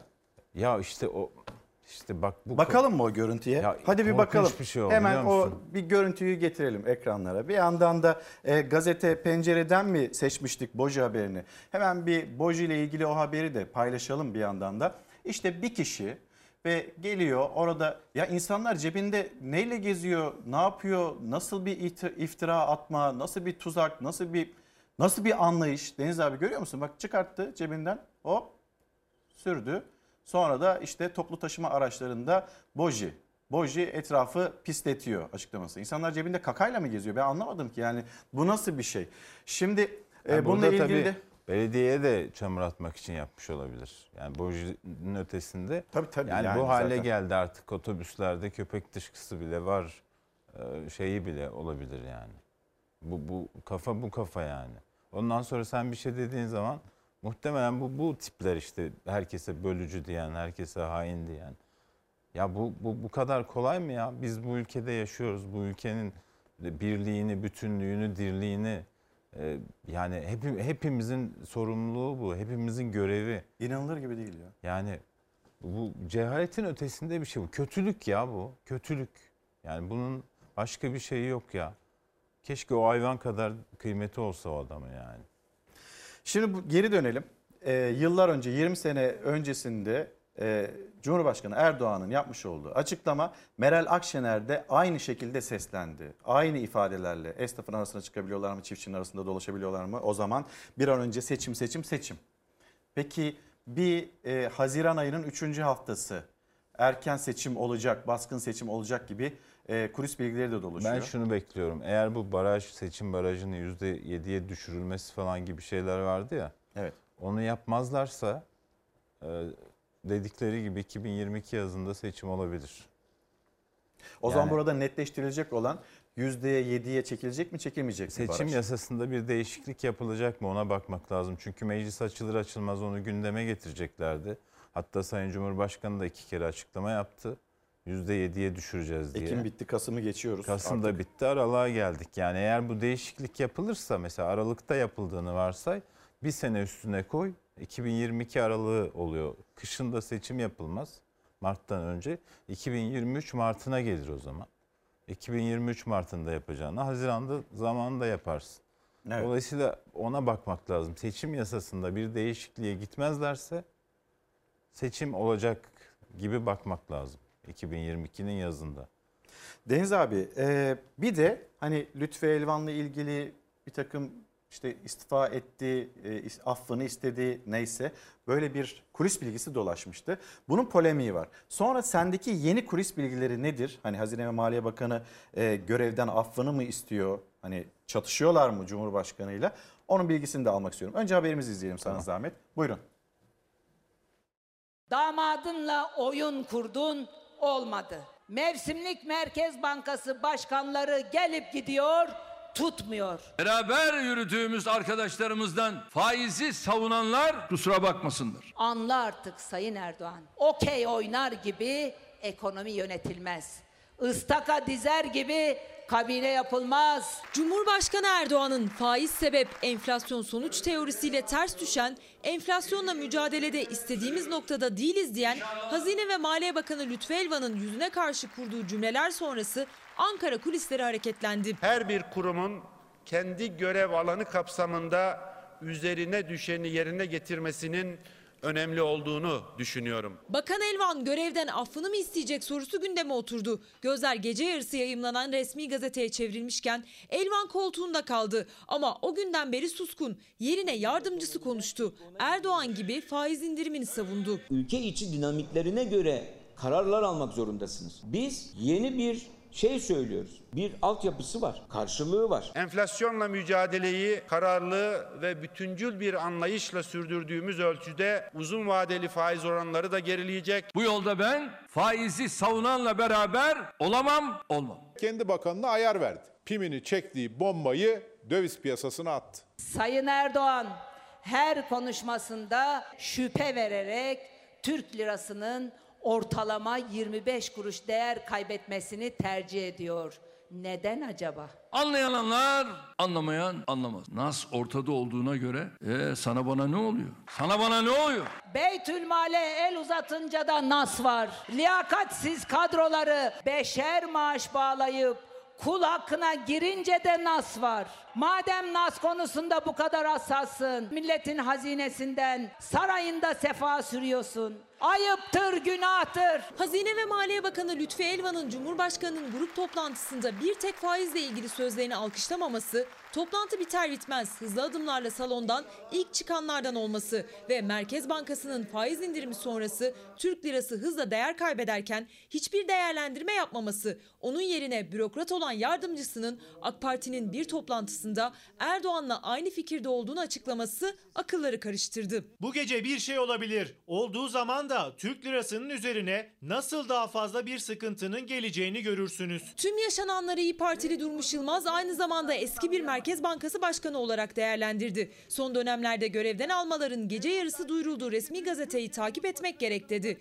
Gece yarısı 12'yi geçince resmi gazete sayfası bir süre açılmadı. Açıldığındaysa Elvan'la ilgili bir karar yoktu. Sayın Erdoğan'ın grup toplantısında verdiği tepkiden hareketle bakanın hafta sonu piyasaların kapalı olduğu bir zamanda görevden alınacağı öngörüsünde bulundum. Öngörüm gerçekleşmedi. Yanıldım, özür dilerim. Durmuş Yılmaz yanıldım dedi özür diledi ama tüm bu gelişmelerden sonra akıllarda Erdoğan'ın faizle ilgili sert çıkışından hemen sonra kurduğu bu cümleler kaldı. Eleştirdiğiniz bazı isimler oldu efendim. Biz birlikte yol yürümem dediniz. Anladığınıza göre Deniz abi hadi bir toparlama yapalım. Hem bu Evet. kulis hem böyle yaşadıklarımız, ekonomi hem başlığımız ağır geliyor.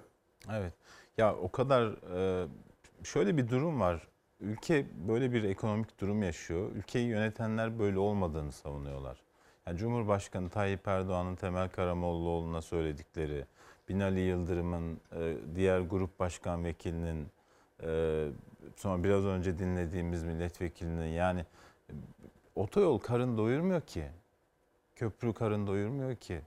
İşte Tarım Bakanı'nın söyledikleri. Netice itibariyle millet e, geçim derdinde, millet yaşama derdinde. Her şeye üstüne üstüne geliyor insanların. Zam yağıyor yani, zam yağıyor. Şimdi burada bu, biz bunu nasıl düzeltirizi konuşmak yerine böyle bir şey yok diyorlar. Ya adam yaşıyor, mutfakta yaşıyor, bakkalda yaşıyor. Ya aynı ürünleri alıyorsun İlker. Bir ay sonra gidiyorsun alıyorsun arada uçurum var. Aynı listeyle git alışveriş yap bak. Bugün yapalım bir hafta sonraki programdan önce tekrar yapalım karşılaştıralım. Dün de söyledim abi. Pazara gidiyorsun. Sebze meyve alıyorsun. 250 lira veriyorsun. Markete gidiyorsun. 400 lira veriyorsun. Bakıyorsun poşetine. Hiçbir şey yok. Zaten bir yağ alsan 100 lira. 100 liraya geçti. Ya dün ben Beşiktaş'taydım. Böyle bir grup öğrenciyle karşılaştım. Ee, belediye şey yapıyor. Duydun mu sen onu? Üniversite öğrencileri anlaşmışlar şeyde e, restoranlarla 300 küsur restoranla. Yo, duymadım. Ee, Neymiş? üniversite öğrencileri gidip orada ücretsiz yemek yiyorlar. Bir uygulama var.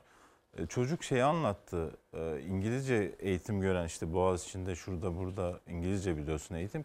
Kitaplar dolarla satılıyor. Kitap kitaplarını alamıyorlar artık. Memleket bu duruma gelmiş. Yani düşün 20 dolarlık bir kitap almak zorundasın. O- Orijinal baskı işte İngiltere'den geliyor, Amerika'dan geliyor. Kaç lira ediyor? Onunla çarptığın zaman 200 küsür liraya bir kitap, 220 liraya. Ki bazı kitaplar 50 50 dolar, 100 dolarmış. Yani ya öğrenciler gidip yani restoranlarda ücretsiz yemek yemek durumunda kalıyorlar. Böyle bir tablo var. Yani bu tabloyu görmezden gelmek bir yana bir de daha iyi olduğunu söylüyorlar. Ya sen kardeşim ayda 100 bin lira kazanırsan tabii ki sana dokunmaz. Yani ama ayda 2800 lira kazanan asgari ücretle geçinen ve İstanbul'da Boğaz içinde bir üniversite öğrencisi okutmaya kalkan bir adamın durumunu düşünsene. Ülkenin gerçeği bu. Bu ülkenin yarısına yakına çalışanlarının asgari ücretle çalışıyor. Bu, bu gerçeği kabul etmek zorundasın. Yani e, yapmasınlar böyle. O dönem geçti bak şöyle bir şey var. Bu ta yani 100 yıllık bir iletişim stratejisidir. Bir şeyi 40 defa söyle herkes inanır deniliyor ama devamında şu var. Herkes onunla ilgili durumu fiili olarak yaşıyorsa istersen 400 kere söyle. Değiştiremezsin.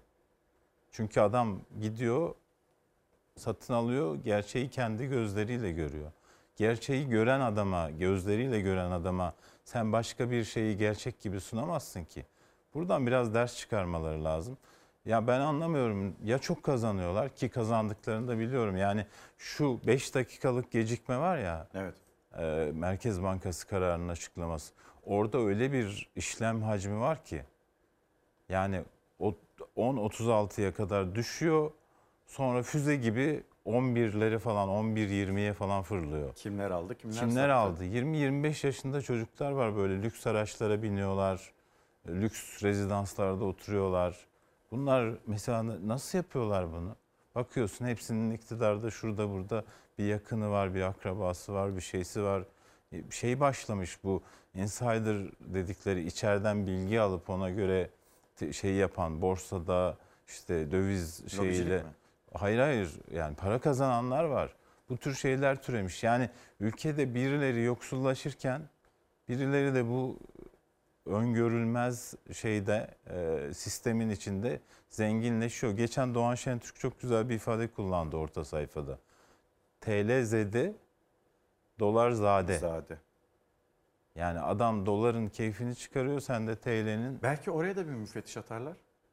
Ne oldu atasınlar. bakalım diye. Atasınlar bak ülke geçenlerde kural koydular değil mi? Döviz bürosundan döviz, bürosundan satın aldığın zaman kimli kim? Evet.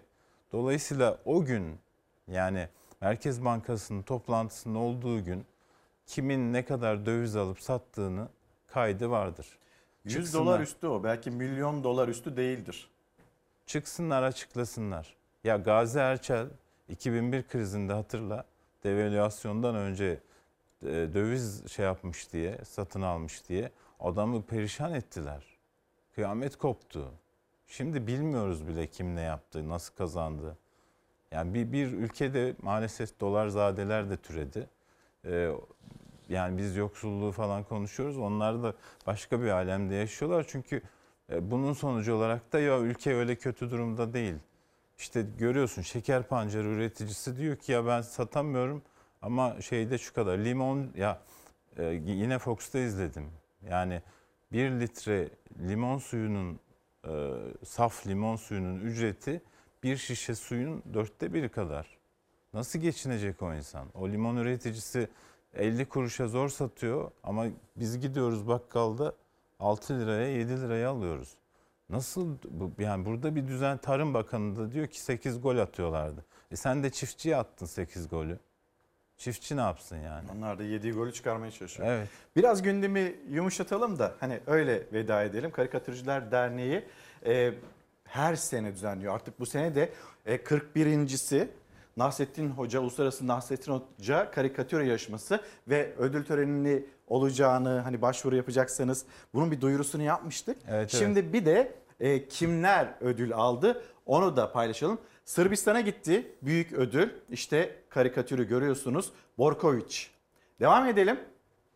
Fransa başarı ödülü Fransa'ya gitti. Bazen böyle bir karikatür her şeyi, bütün hayatı özetler ya. İşte öyle karikatürler geldi yine 41. Uluslararası Nasrettin Hoca karikatür yarışmasına. E, Karikatürcüler Derneği özel ödülü Meksika'ya gitti. Devamında Romanya Kültür ve Turizm Bakanlığı özel ödülü burası yani bu ödül de Romanya'ya ulaştı. Son ödüle geldik zannediyorum. İstanbul Büyükşehir Belediyesi özel ödülü o da Avusturya'ya Klaus Pitter'e gitti. İlker bu yarışma gerçekten Türkiye'nin en köklü yarışmalarından biri. Zaten 41. gördüğün gibi. Evet. Ben de Karikatürcüler Derneği'nin üyesiyim.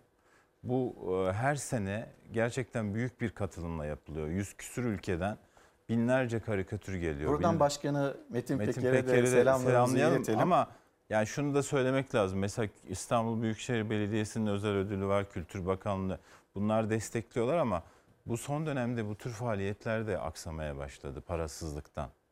Yani biraz daha desteği artırmaları lazım. Türkiye'nin tanıtımı için çok önemli. Dünyanın bütün ünlü karikatüristleri yani böyle büyük gazetelerde şurada burada çizenler de dahil buraya karikatür gönderiyorlar, yarışmaya katılıyorlar. Mükemmel.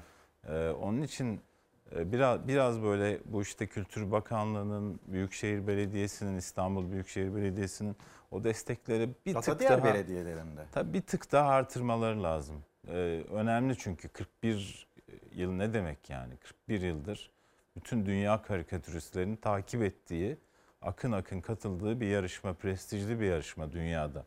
Yani bir karikatürist bunu aldığı zaman mesela Oleg e, artık şeyini de yükseltecektir. Ben Nasrettin Hoca yarışmasının ödülünü, birincilik ödülünü kazanmış karikatüristim diye onu e, kişisel biyografisinin en üstüne yazacaktır yani.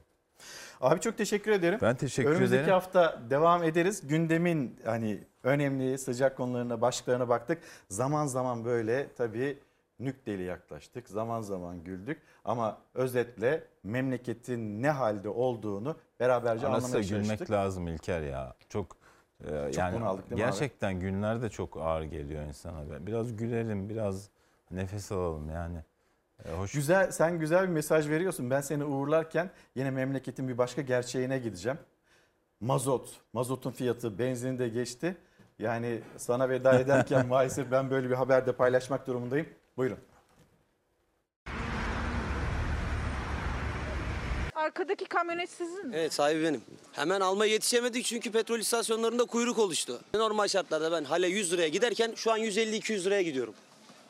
Yeni yapılan zamlarla birlikte. Ürünlere yansıtamıyoruz çünkü vatandaşta alım gücü kalmadı. Yani bugün bir şey alamıyoruz. Bugün dün gece zam geldi ya mazota. Bugün Bizim dün gibi değil her gün daha çok artıyor. Yani böyle olmaz artık. Bu nedir ya? Zamlı mazotla halden aldığı sebzeleri pazara getirdi. Akaryakıta gece yarısı gelen zamdan önce istasyonlarda kuyruk vardı. Yetişen aldı, yetişemeyen zamlı 8 lira 70 kuruşlardan aldı motorini. 2 litrede 1 lira fark oldu gelen zamla. Üretimde, nakliyede kullanılan bu zamana kadar hesaplı olduğu için en çok tercih edilen yakıtken motorin artık benzinden daha pahalı oldu. Hiçbir cazipliği yok yani onun. Benzinli araç daha iyi. Tekrar araç alsanız benzin Benzinli alacağım tabii ki. Zamdan sonra fikirler değişti. Zam gelmeden de adeta akın vardı benzin istasyonlarına. Çünkü gece yarısından sonra benzin 50 kuruş, mazot 52 kuruş daha zamlıydı. Buna alışmamızın ne kadar kötü bir şey olduğunu fark ederek alışıyoruz. Bizim gelirlerimiz otomatikman düşmüş oluyor. Maaşlarımız düşmüş oluyor aslında. Sadece depolar değil maaşları eriten tarladan şehirlere, oradan pazarlara, marketlere giren her ürünün fiyatında onları taşıyan aracın deposundaki zamlı motorinin payı var. Araç aşağı yukarı 200 litre yakıt alıyor. Ha, 100 liralık sabah yakıt attım. 11 litre mazot aldık. 200 lira yani 20'de biri.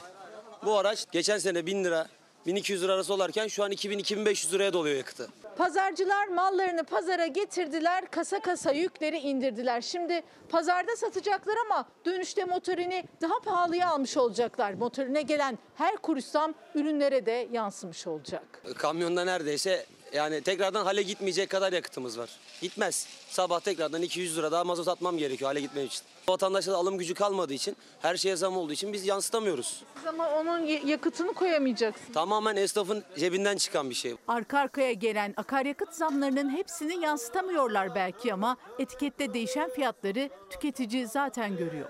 Yansıtıyorlar aslında. Nasıl yansıtıyor? Siz e, yansımış mı gördünüz? Tabii yansımış. Her şekilde yansıyor. Geçen hafta 8 liraydı brokoli.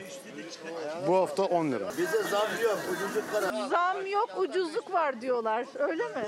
Yok öyle bir şey valla. Hiç öyle bir şey yok. Mazot mu? Hayata her şey yansıdı. Mazotu bırakın artık yağ alamıyoruz. Yağ altın gibi oldu. Şunlar 250 lira. Bak şunlar şu an sonunda var 250 lira. Artık insaf yani bu kadar olmaz. Her şey Valla zam- fırsatçıların eline girdik. Başka bir şey değil. Güzel hiçbir şey yemeyelim. Hürriyet gazetesi, Hürriyet gazetesinden seçtiğimiz iki haber. İlki usta aktör Kadir İnanır, Kadir İnanır yoğun bakımda.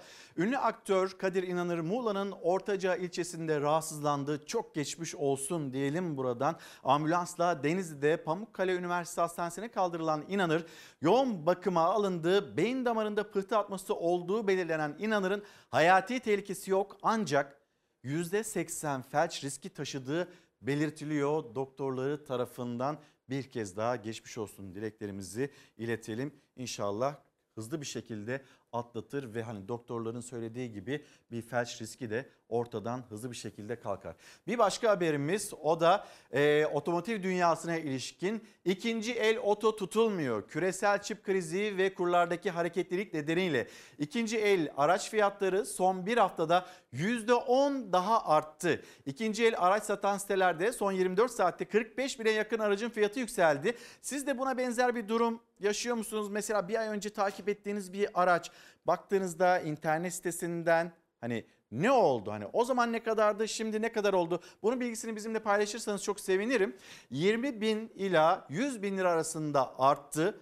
Ee, bazı araçların fiyatı sektör temsilcileri ikinci el araç almak isteyenlere kurumsal firmalardaki fiyatları inceleyin. Oradaki fiyatlar daha gerçekçi tavsiyesinde bulundu. Şimdi bununla ilgili e, Erhan Usta'nın da bir açıklaması var. Otomobil fiyatları neden düşmüyor? Özellikle ikinci elde fiyatlar neden ve nasıl artıyor? İşte Erhan Usta'nın görüntüleriyle anlatımı. Buraya bakalım. Bunların hepsi aslında sıfır araç. Ee, biliyorsunuz bu ÖTV'lerde eşik değer e, yükseltildi. Dolayısıyla bazı vergi oranları yüzde 45'e çekilmişti. Ancak şimdi e, ilk satıcılar, bayiler e, ÖTV e, düşüşünü yansıtmamak için e, seri halde plaka alıyorlar.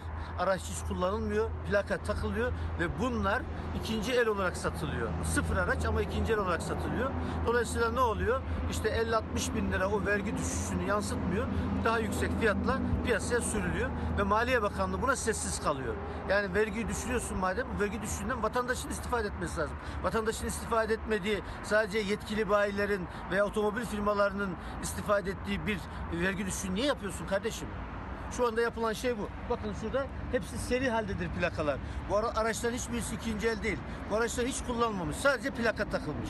Tabi birinci elde yani yetkili bir bayiye e, sıfır araba veya plaka takılmamış bir araba için gittiğinizde sizden yüksek fiyat isteyemiyor. Çünkü liste fiyatı düşük vergiye göre oluşmuş bir liste fiyatı var. Oradan vermemek için ikinci elde tabii kimseye karışamazsın. İstediği fiyattan satarım kardeşim diyor.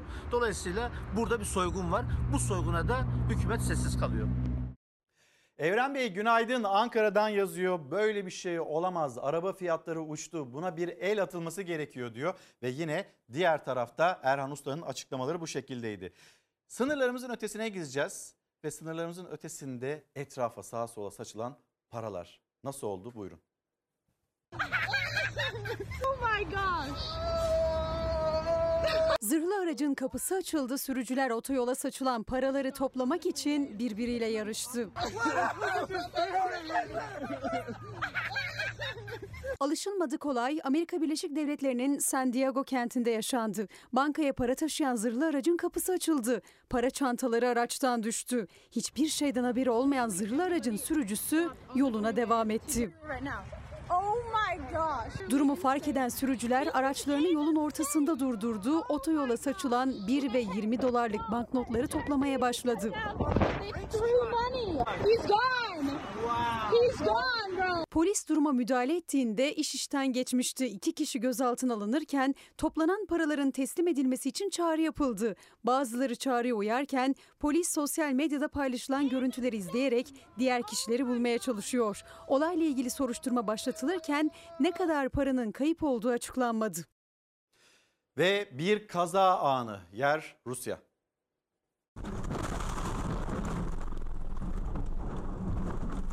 Dev raflar bir anda çöktü. Bir işçi ağır yaralandı. Rusya gıda deposundaki inanılmaz kazayı konuşuyor. Rusya'da büyük bir gıda deposunda boyu 10 metre yüksekliğindeki raflar aniden çökmeye başladı. O sırada rafların arasındaki işçi can havliyle kendini diğer raf sırasının altına attı. Ama saniyeler içinde onlar da çöktü.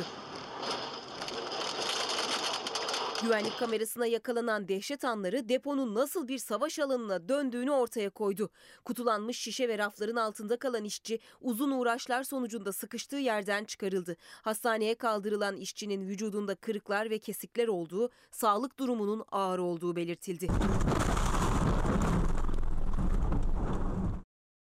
Efendim şimdi bir mola verip hemen geri döneceğiz. Daha memleketten aktaracağımız çokça haber var. Yine birkaç haber daha kaldı gazetelerde. Onları da sizinle paylaşmak istiyoruz reklamlardan sonra. Bir kez daha günaydın. Bolca haber ve bolca mesajla devam edelim istiyorum. Mesela Semra Gökdemir yazmış.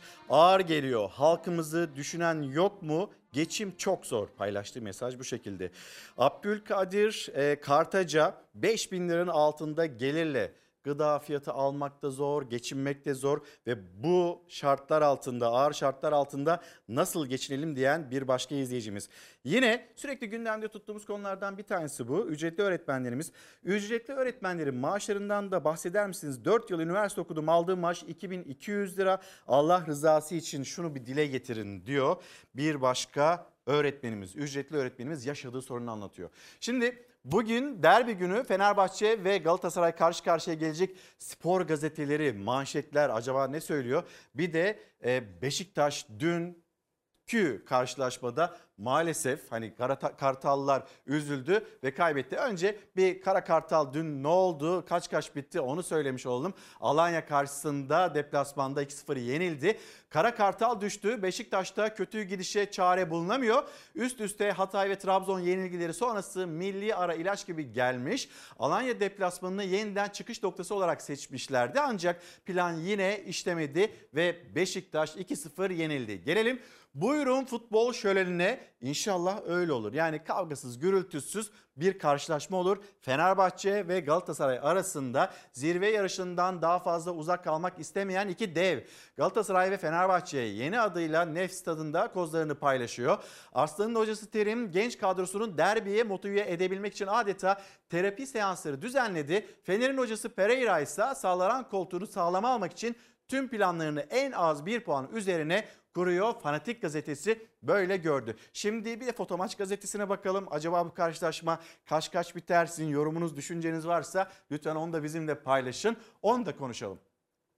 Devlerin düellosu Galatasaray Fenerbahçe derbisi nefesleri kesecek milyonların beklediği dünya derbisinde iki takımın da kayba tahammülü yok. Yani kim yenilirse zirveden daha da uzaklaşmış olacak. Trabzonspor dolu dizgin gidiyor. Namalup ilerliyor ve Trabzon hani böyle kuşkusuz hani bir beraberliği istiyor olabilir ama beraberlik iki takımın da işine gelmiyor. İki takım da kazanmak için sahada olacak. Galatasaray ve Fenerbahçe bugün milyonlar yine ekran başında bu derbiyi izlemek için buluşacaklar.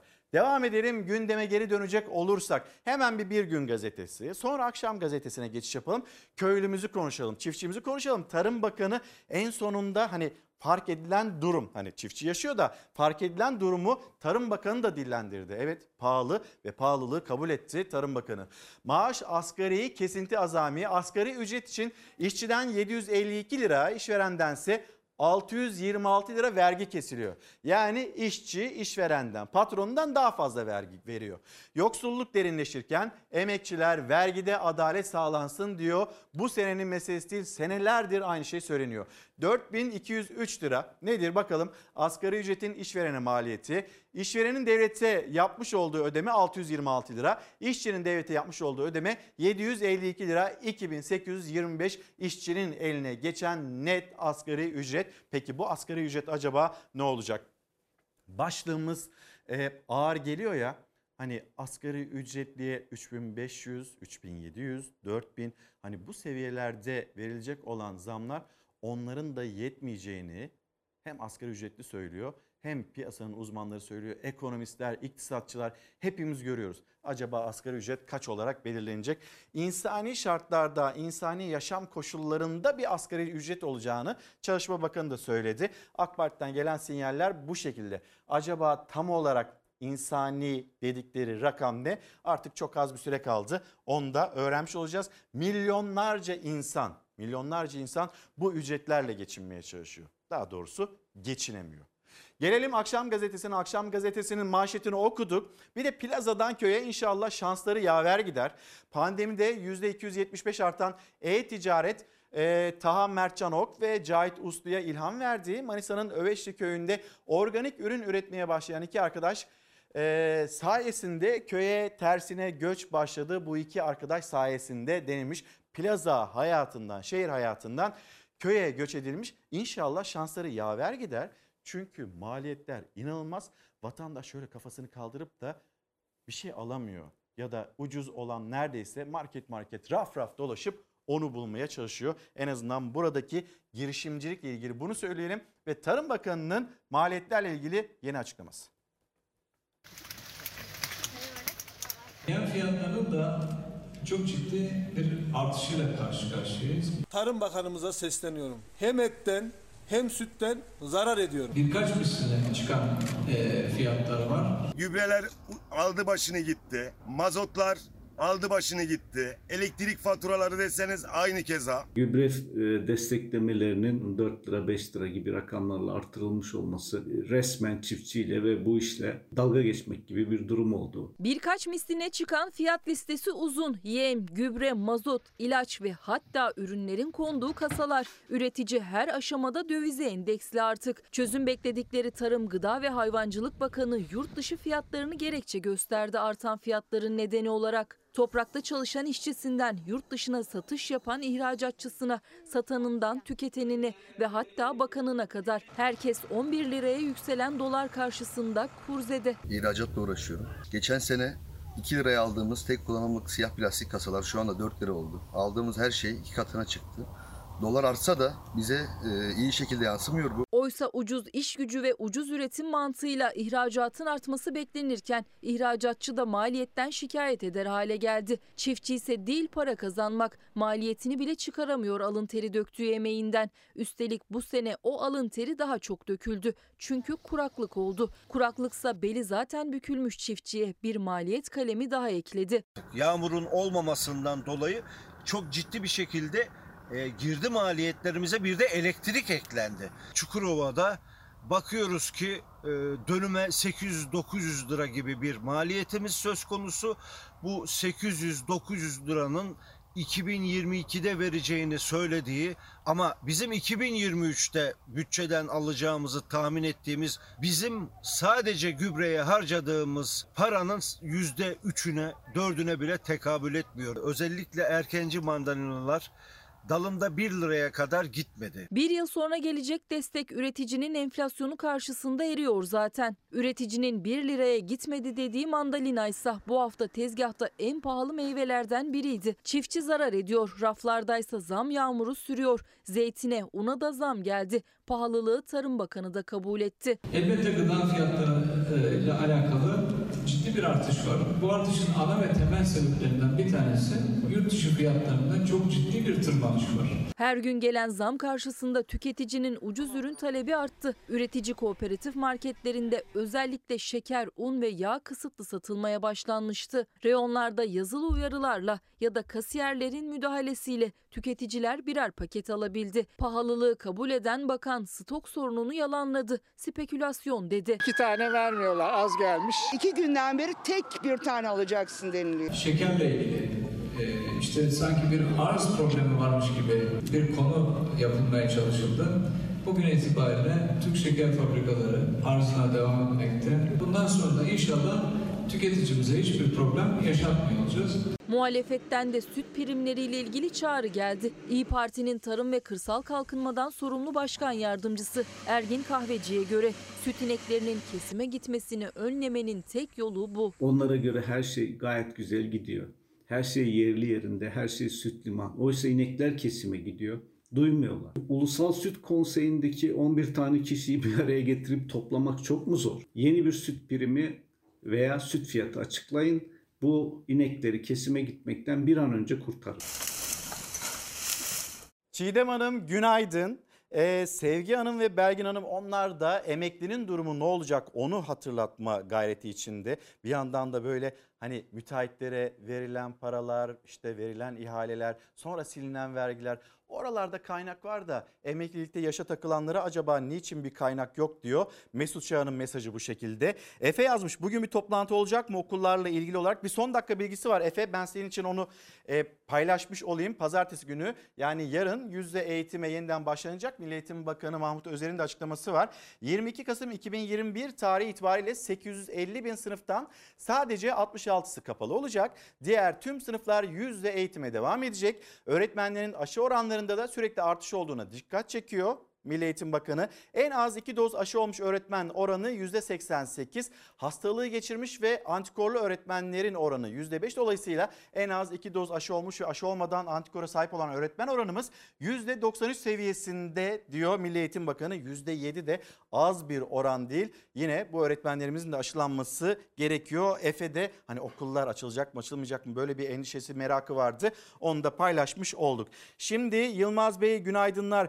Döviz kurları ile ilgili hani bize bir hatırlatması var. Az önce de paylaşmıştık. Dolar hangi seviyede, euro hangi seviyede? Elimizden geldiğince hatırlatmaya çalışıyoruz. Yeliz Hanım 5200 lira olması gerekiyor asgari ücretin en azından insani şartlarda yaşayabilmek adına diyor.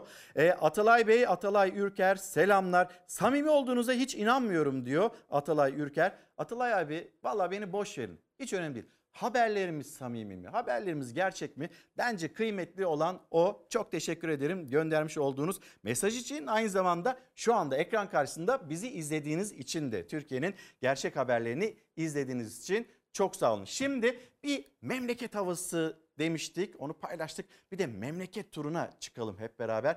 Önce Mersin. Daha önce pek çok projeyle adlarını duyuran Mersin'den Kadın Kooperatifinin atölyesinde eğitim alan kadınlar bu kez de şehir tiyatrosu oyuncularının kostümlerini dikiyor. Yetenekli ellerinden çıkan kostümler tiyatro sahnelerini renklendirirken ev ekonomilerine de katkı oluyor. Biz buraya başlarken hani böyle kadınların zamanlarını öldürmek için gittiği böyle zaman geçirmek için gittiği kurslar olur ya o şekilde başlamıştık. Ama şimdi bugünkü geldiğimiz noktaya baktığımızda hem kendimize hem evimize destek amaçlı, kendimizi geliştirmek amaçlı çok büyük yol ilerlediğimizi de kat ettiğimizi de düşünüyorum. Her şey Mersin Büyükşehir Belediyesi Şehir Tiyatrosu'nun sezon öncesinde ortaya çıkan kostüm ihtiyacıyla başladı. Devreye Mersin'den Kadın Kooperatifinin eğitim ve üretim atölyesindeki kadınlar girdi. Ölçüler alındı, kollar sıvandı. Makine başına geçen kadınlar ortaya birbirinden güzel sahne kostümleri çıkardı. Kadınların, annelerin, teyzelerimizin çalıştığı bir yer olduğunu görünce ben açıkçası bir kat daha heyecanlandım. Çünkü böyle bir imece gibi yani kendi içimizde Mersin'in bünyesinde çözülecek olması, Mersin'in e, insanların elinden çıkacak olması beni bir kat daha heyecanlandırdı. Mersin Büyükşehir Belediyesi Şehir Tiyatrosu tarafından sezon boyunca sahnelenecek oyunların kostümleri bu atölyeden çıkmaya devam edecek. Kadınların emeklerinin karşılığı ev ekonomilerine de katkı olacak. Balık tezgahlarına bakacağız. Balık fiyatları acaba hangi seviyede? Onu da aktaracağız ama Mevlide Hanım diyor ki 3600 ek göstergenin sadece 4 meslek grubuna verilmesi, diğer çalışanların unutulması ağır geliyor. Herkese verilmesi gerekiyor diyor. Müfit Bey de Ankara'dan e, acaba burada üniversite mezunu emekliler, birin dördünden emekli olanlar onlar için de bu 3600 ek gösterge gündeme gelir mi gelmez mi bunun hatırlatmasını yapıyor. Aslında böyle bir hak varsa hani polislerle, öğretmenlerle, din görevlileriyle, hemşirelerle sınırlı olmasın da böyle pek çok kesim için hatta tüm kesimler için olabilsin denilirken 2018'in vaadi henüz gerçekleşmedi. İlk 100 gün projesinin içindeydi, programın içindeydi. Henüz gerçekleşmedi. Bakalım 2022 yılının ilk aylarında bu meselenin çözüleceği söyleniyor. Gelelim balık fiyatlarına. Güzel yani balada rağbet var. Ucuzken yeniyor. Bandırma'da 40, İstanbul'da 25-30, Düzce'de 10 lira hamsinin kilosu. Hamsinin tezgahlardaki fiyatını hava durumu belirliyor. Bir gün hamsi az çıkıyor, pahalı oluyor. Bir gün çok çıkıyor. Biraz yani 10 lira düşük oluyor. Havaların e, iyi olması gerekiyor. Havalar iyi olduğu zaman kayıkların ağ atıyor hepsi. O yüzden fiyatlar uygun oluyor yani. Havalar estiği zaman fiyatlar yüksek oluyor. Balıkesir'in Marmara Denizi'ne kıyısı olan ilçesi Bandırma'da tutulan hamsi miktarı azaldı. Azalan hamsinin etiketi 40 lira oldu. Oysa hafta içi bunun yarısına kadar düşmüştü. Hafta içi 20-25 liraya kadar düştü ama şu an hava estiği için fiyatlar yüksek. İstanbul'da lüfer azaldı, hamsi ve çinekop bollaştı. Lüfer çekildiği için şu an diğer balıklar gelmeye başladı. Mesela çinoko 50 liraya düştü. 70-80 liraydı. E, hamsi istavrit keza öyle irileşti mesela. Güzel yani bana da rağbet var. Ucuzken yeniyor. Düzce Akçakoca'daysa Karadeniz hamsisi tezgahlarda yüzleri güldürüyor. Hamsi 10 liradan satılıyor. Halk arasında sinsi hastalık olarak biliniyor. Beyinde, vücutta ciddi hasarlar bırakabiliyor. Diyabetten söz ediyoruz. Türkiye'de 8 milyon diyabet, diyabet hastası var ve Avrupa'da 8 milyon diyabet hastasıyla birinci sırada Türkiye'de ve diyabete harcanan para açısından da yine birinci olduğunu söylüyor uzmanlar ve uyarıları var. Ülkemiz diyabet sıklığı bakımından Avrupa'da birinci durumda. Aynı zamanda diyabete en çok para harcayan gene Avrupa'da ilk ülke durumunda. Diyabete harcanan e, maliyetin yüzde 75'i yaklaşık diyabetin komplikasyonları yani vücuttaki diğer organlarda yol açtığı hasar nedeniyle oluyor. Hem bedene hem de sağlık bütçesine en büyük zararı veren hastalıkların başında diyabet. Türkiye'de 8 milyon insanı etkileyen bu sinsi hastalık ve neden olduğu diğer ciddi hastalıklarla mücadele için 4 dernek güçlerini birleştirdi. Çünkü tip 2 diyabet bacaklardan böbreğe, kalbe ve beyne kadar uzanan tüm damarları etkiliyor. Eğer kalp damarını tutarsa kalp krizi neden oluyor. Bacak damarını tutarsa bacak damarlarında tıkanıklıklar yaratabiliyor. Beyin damarını tutarsa inmeye neden olabiliyor ve aynı zamanda kalp yetersizliğe neden olabiliyor. Türkiye Endokrinoloji ve Metabolizma Derneği, Türk Kardiyoloji Derneği, Türk Nefroloji Derneği, Türk Hipertansiyon ve Böbrek Hastalıkları Derneği halk arasında sinsi hastalık olarak bilinen diyabetle mücadele için bir araya geldi. Ülke genelinde taramalar başlatıldı ve erken teşhisle diyabetin vücuda verdiği hasarın önüne geçilmesi planlanıyor. Hem diyabetin hem kronik böbrek hastalığının sinsi olduğunu söylemiştik. 21-24 Kasım'da da Kadıköy'de e, tırımız e, bu sağlık taramasını yapacak. İnsanların kan basıncını ölçecek, şekerini ölçecek ve en önemlisi de e, böbrek hastalığının en erken bulgusu olan o idrarda mikroalbümleri anında orada sonucunu verecek şekilde tarama yapılacak.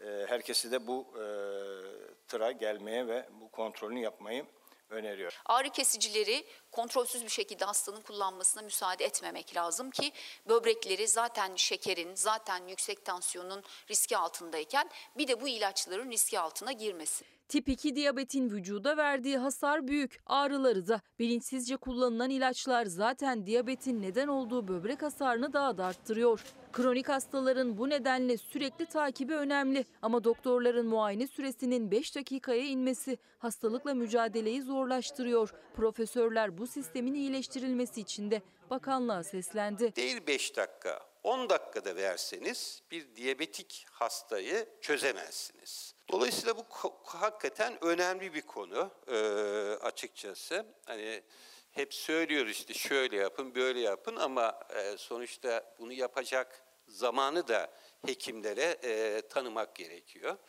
E, bu zaman da hiçbir zaman 5 dakika olamaz. İdeal süre 20 dakika denilir ama 20 dakikada bir diyabetlinin takibinde yeterli süre değildir. Ülkemizdeki sistem ne yazık ki son zamanlarda kronik hastalara yönelik değil, daha sık talebi olan ve daha yüzeyel sağlık sorunları olan kişileri daha çok konforunu artacak şekilde e, evrildi. Aile hekimliği düzeyinde bu hastaların daha sıkı bir şekilde takip edilmesi, dokümante edilmesi ama aile hekim arkadaşlarımızın da üzerindeki yükün azaltılması adına hekim başına düşen e, kişi sayısının takipten sorumlu oldukları vatandaş sayısının ortalama 4000'den 2500'e doğru çekilmesiyle ilgili bir süreç başlatıldı. Biz emekliler asgari ücretin altında maaş alıyoruz. Çalışanlar kadar asgari ücretliler kadar biz de mağduruz Sevda Hanım. Celal Bey 2000 ile 2002 arasında emekli olan insanların intibakı yapılmadığı için en az %10 eksik maaş alıyoruz ve bu bize ağır geliyor diyor. Emeklerimizden gelen mesajlar yine sağlığımızı ilgilendiren bir haber ve bir operasyon, midye operasyonu. Çuval çuval tonlarca midyeyi denizin dibinde sakladılar, sahil güvenlik ekiplerinden kaçamadılar. Kaçak midye operasyonunda 3 kişiye para cezası kesildi. İstanbul'da, Beşiktaş ve Sarıyer'de yani midyenin çıkartıldığı ve en çok tüketildiği bölgede dün kaçak midye avcılığına yönelik bir denetim yapıldı. Sahil güvenlik dalgıçları denizin dibine daldı. Yasa dışı avlandığı tespit edilen 2 ton midye karaya çıkartıldı. Denizin dibinden tam tamına 54 çuval midye çıkartıldı. Yapılan incelemelerde midyelerin hala canlı olduğu tespit edildi. Hepsi denize geri bırakıldı. Midye kaçakçılığı ve yasa dışı avlanma yapan 3 kişiye 16.365 lira para cezası kesildi. Şimdi bir başarı öyküsü için Hakkari'ye gideceğiz. E, abim öncülük etti açıkçası. Abim tıp kazanınca artık böyle hani gözler bize çevrildi. Elimizden hani herkes elinden geleni yaptı. Doktor abinin gittiği yol yedi kardeşine rota oldu. Üçü öğretmen, biri hemşire oldu. Biri diş hekimliği, biri de beden eğitimi öğretmenliği bölümünü kazandı. O zaman ceryan giderdi bunlarla ucuzla. El fenerle, şeyle, mumla o zaman okurdu. Öğrenmek sadece okumayı yazmayı değil, hayata tutunabilmenin zorluğunu, eğitimin gerekliliğini. Hakkari Yüksekova'da yaşayan Yağan ailesinin 10 çocuğunun en büyüğü Adem Yağan.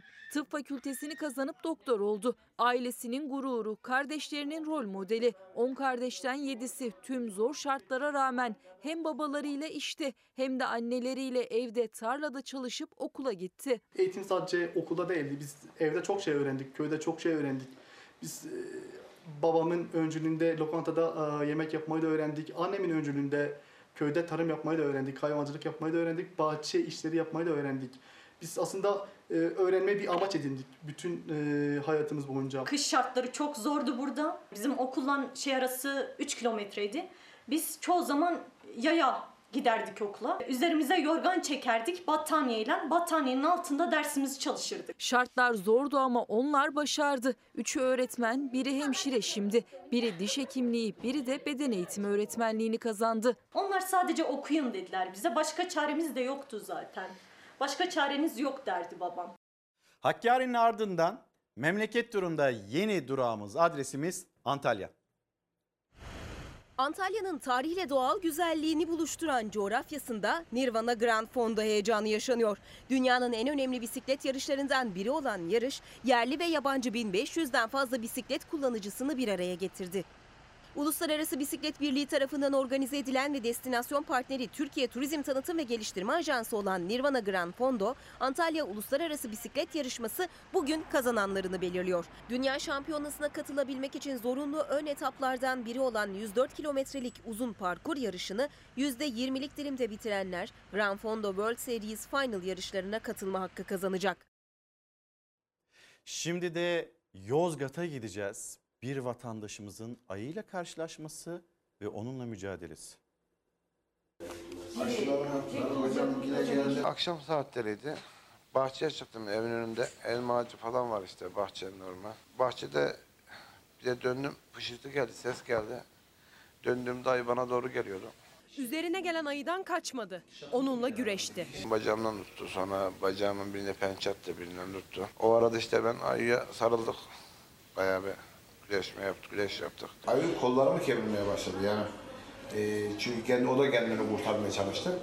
En son işte baktım benim de canım yanıyor. En son ben kaldırdım ayıyı yerimde meyilli olduğu için aşağı doğru savurdum yani. Şenel Yıldız evinin bahçesindeydi. Sesler duydu. Arkasını döndüğünde karşısında bir ayı gördü. Ona doğru koşuyordu. Kaçma şansı yoktu. Ölümle burun burunasın. Ee, biraz işte tekbirin cesareti. Çünkü ayı bayağı büyüktü. Ee, kızgınlıktı. Kendimizi de boş bırakmadık yani. Kendimizi boş bıraksaydık ayı bizi komple şey yapardı çizerdi. Ayı kaçtı. Ayıyla mücadele ederken yaralanan Şenel Yıldız ise hastanede tedavi altına alındı. Cesaretimizin veyahut da o anki tedirginliğe kapılmamamızın rehavete kapılmadığımız için kendimizi kurtardık yani. Ver, verilmiş bir sadakamız varmış. Yani. Vallahi bravo. Yani soğukkanlılığını korumuş. Şimdi şakasını yapıyor ama bayağı ciddi bir durummuş. Şenel Yıldız, Şenel abi çok ama çok geçmiş olsun. Yozgat dedim aslında Tokat'tı. Tokat'ta karşılaşmış olduğu durum böyleydi. Şimdi sınırlarımızın ötesi Hindistan'dan bir sel görüntüsü.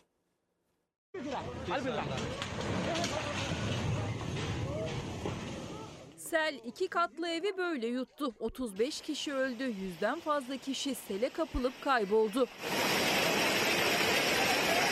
Felaketin yaşandığı yer Hindistan. Perşembe gününden bu yana etkili olan sağanak yağış seli beraberinde getirdi. Taşan nehirler ve dereler nedeniyle yollar göle döndü. Havaalanı kapatıldı. Selde mahsur kalanlar çıkabildikleri otobüslerin iş makinelerinin üstünde kurtarılmayı bekledi.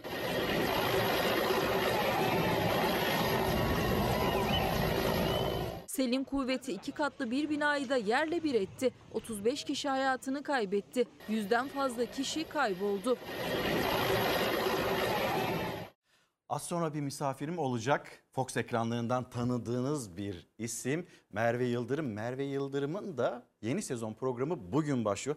Birazdan kendisiyle konuşacağız ve yine bizden bir haber diyeceğiz. Aslında bir animasyon, harika bir animasyon Encanto. Yıllar önce bu mum ailemizi bir mucizeyle kutsadı. Evimiz, kasitamız birden sihirle can buldu. Encanto sihirli dünya. Kolombiya dağlarında sihirli bir evde gizlice yaşayan özel güçleri olan bir ailenin hikayesini konu ediyor. 26 Kasım'da vizyona girecek filmin ön gösterimi çocukların eğlenceli dakikalar geçirdiği bir organizasyonla yapıldı. Luisa gibi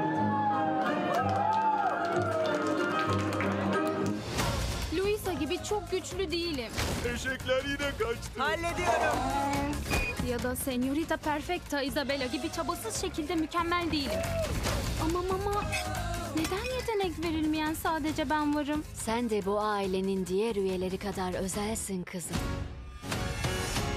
Bu sihirli yerde Mirabel dışında her çocuk kendine özgü sihirli bir hediyeyle kutsanmıştır. Ancak işler karışıp ailenin yuvası tehdit edilmeye başlandığında tek umutları Mirabel olacaktır. Korumak zorundayız. Ailemizi korumak zorundayız. Sihri ben kurtaracağım. Dur. Sihri nasıl kurtaracağım ki? Ben bunu yapamam. Bırak yardım edeyim. Bakın sıçanlar bana her şeyi anlattı. Yeme onları. 26 Kasım'da vizyona girmeye hazırlanan filmin ön tanıtımını izleyen çocuklar fuaye alanında düzenlenen etkinliklerle doyasıya eğlendi.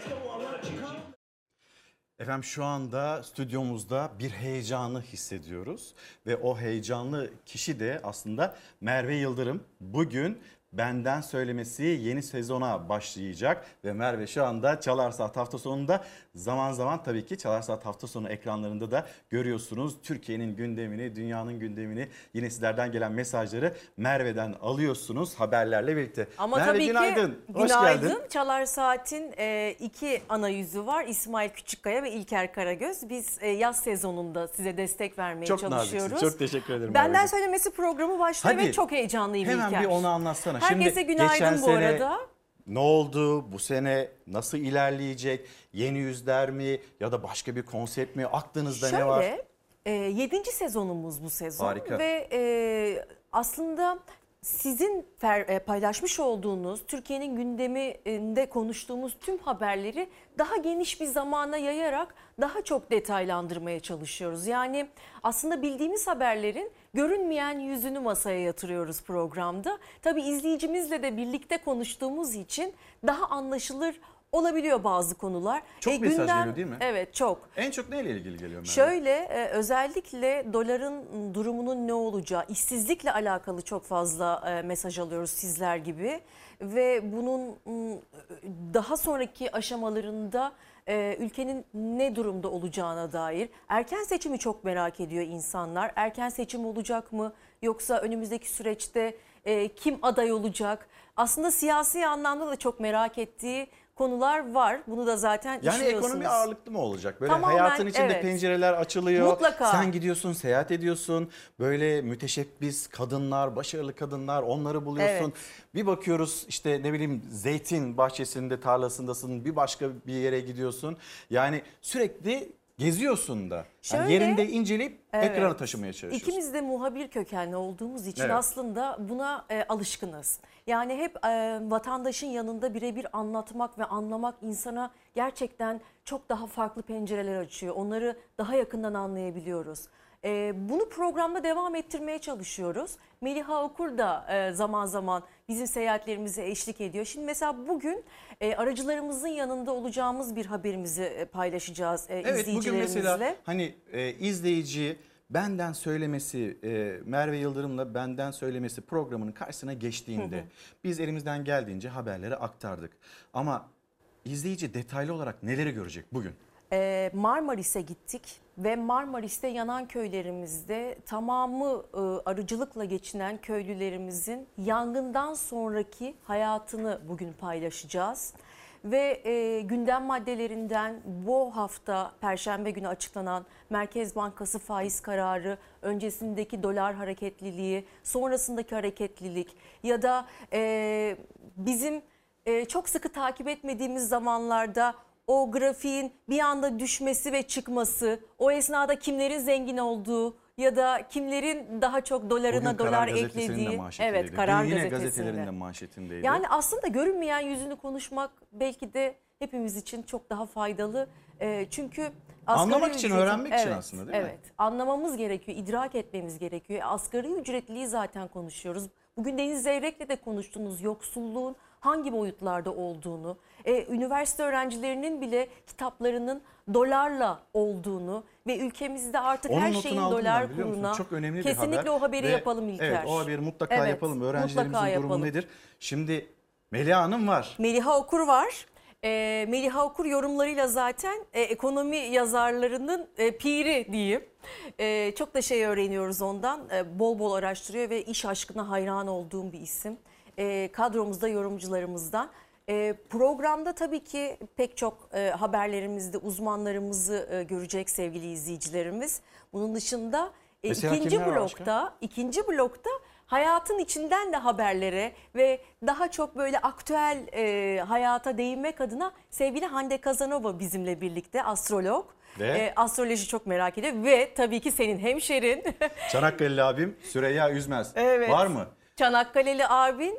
Çanakkale'li abimiz ama onu Ankaralı olarak da biliyoruz. Trilye'nin e, göz bebeği Süreyya Üzmez bizimle birlikte Türkiye'nin en önemli gurmelerinden biri. Hayatın içinden de bu tatları ihmal etmemek gerektiğini düşünüyorum. Heyecanlı İlker. bekliyoruz Merve. Sen Çok de heyecanlısın. Biz de izleyicilerimiz de kuşkusuz dikkatle takip edecekler.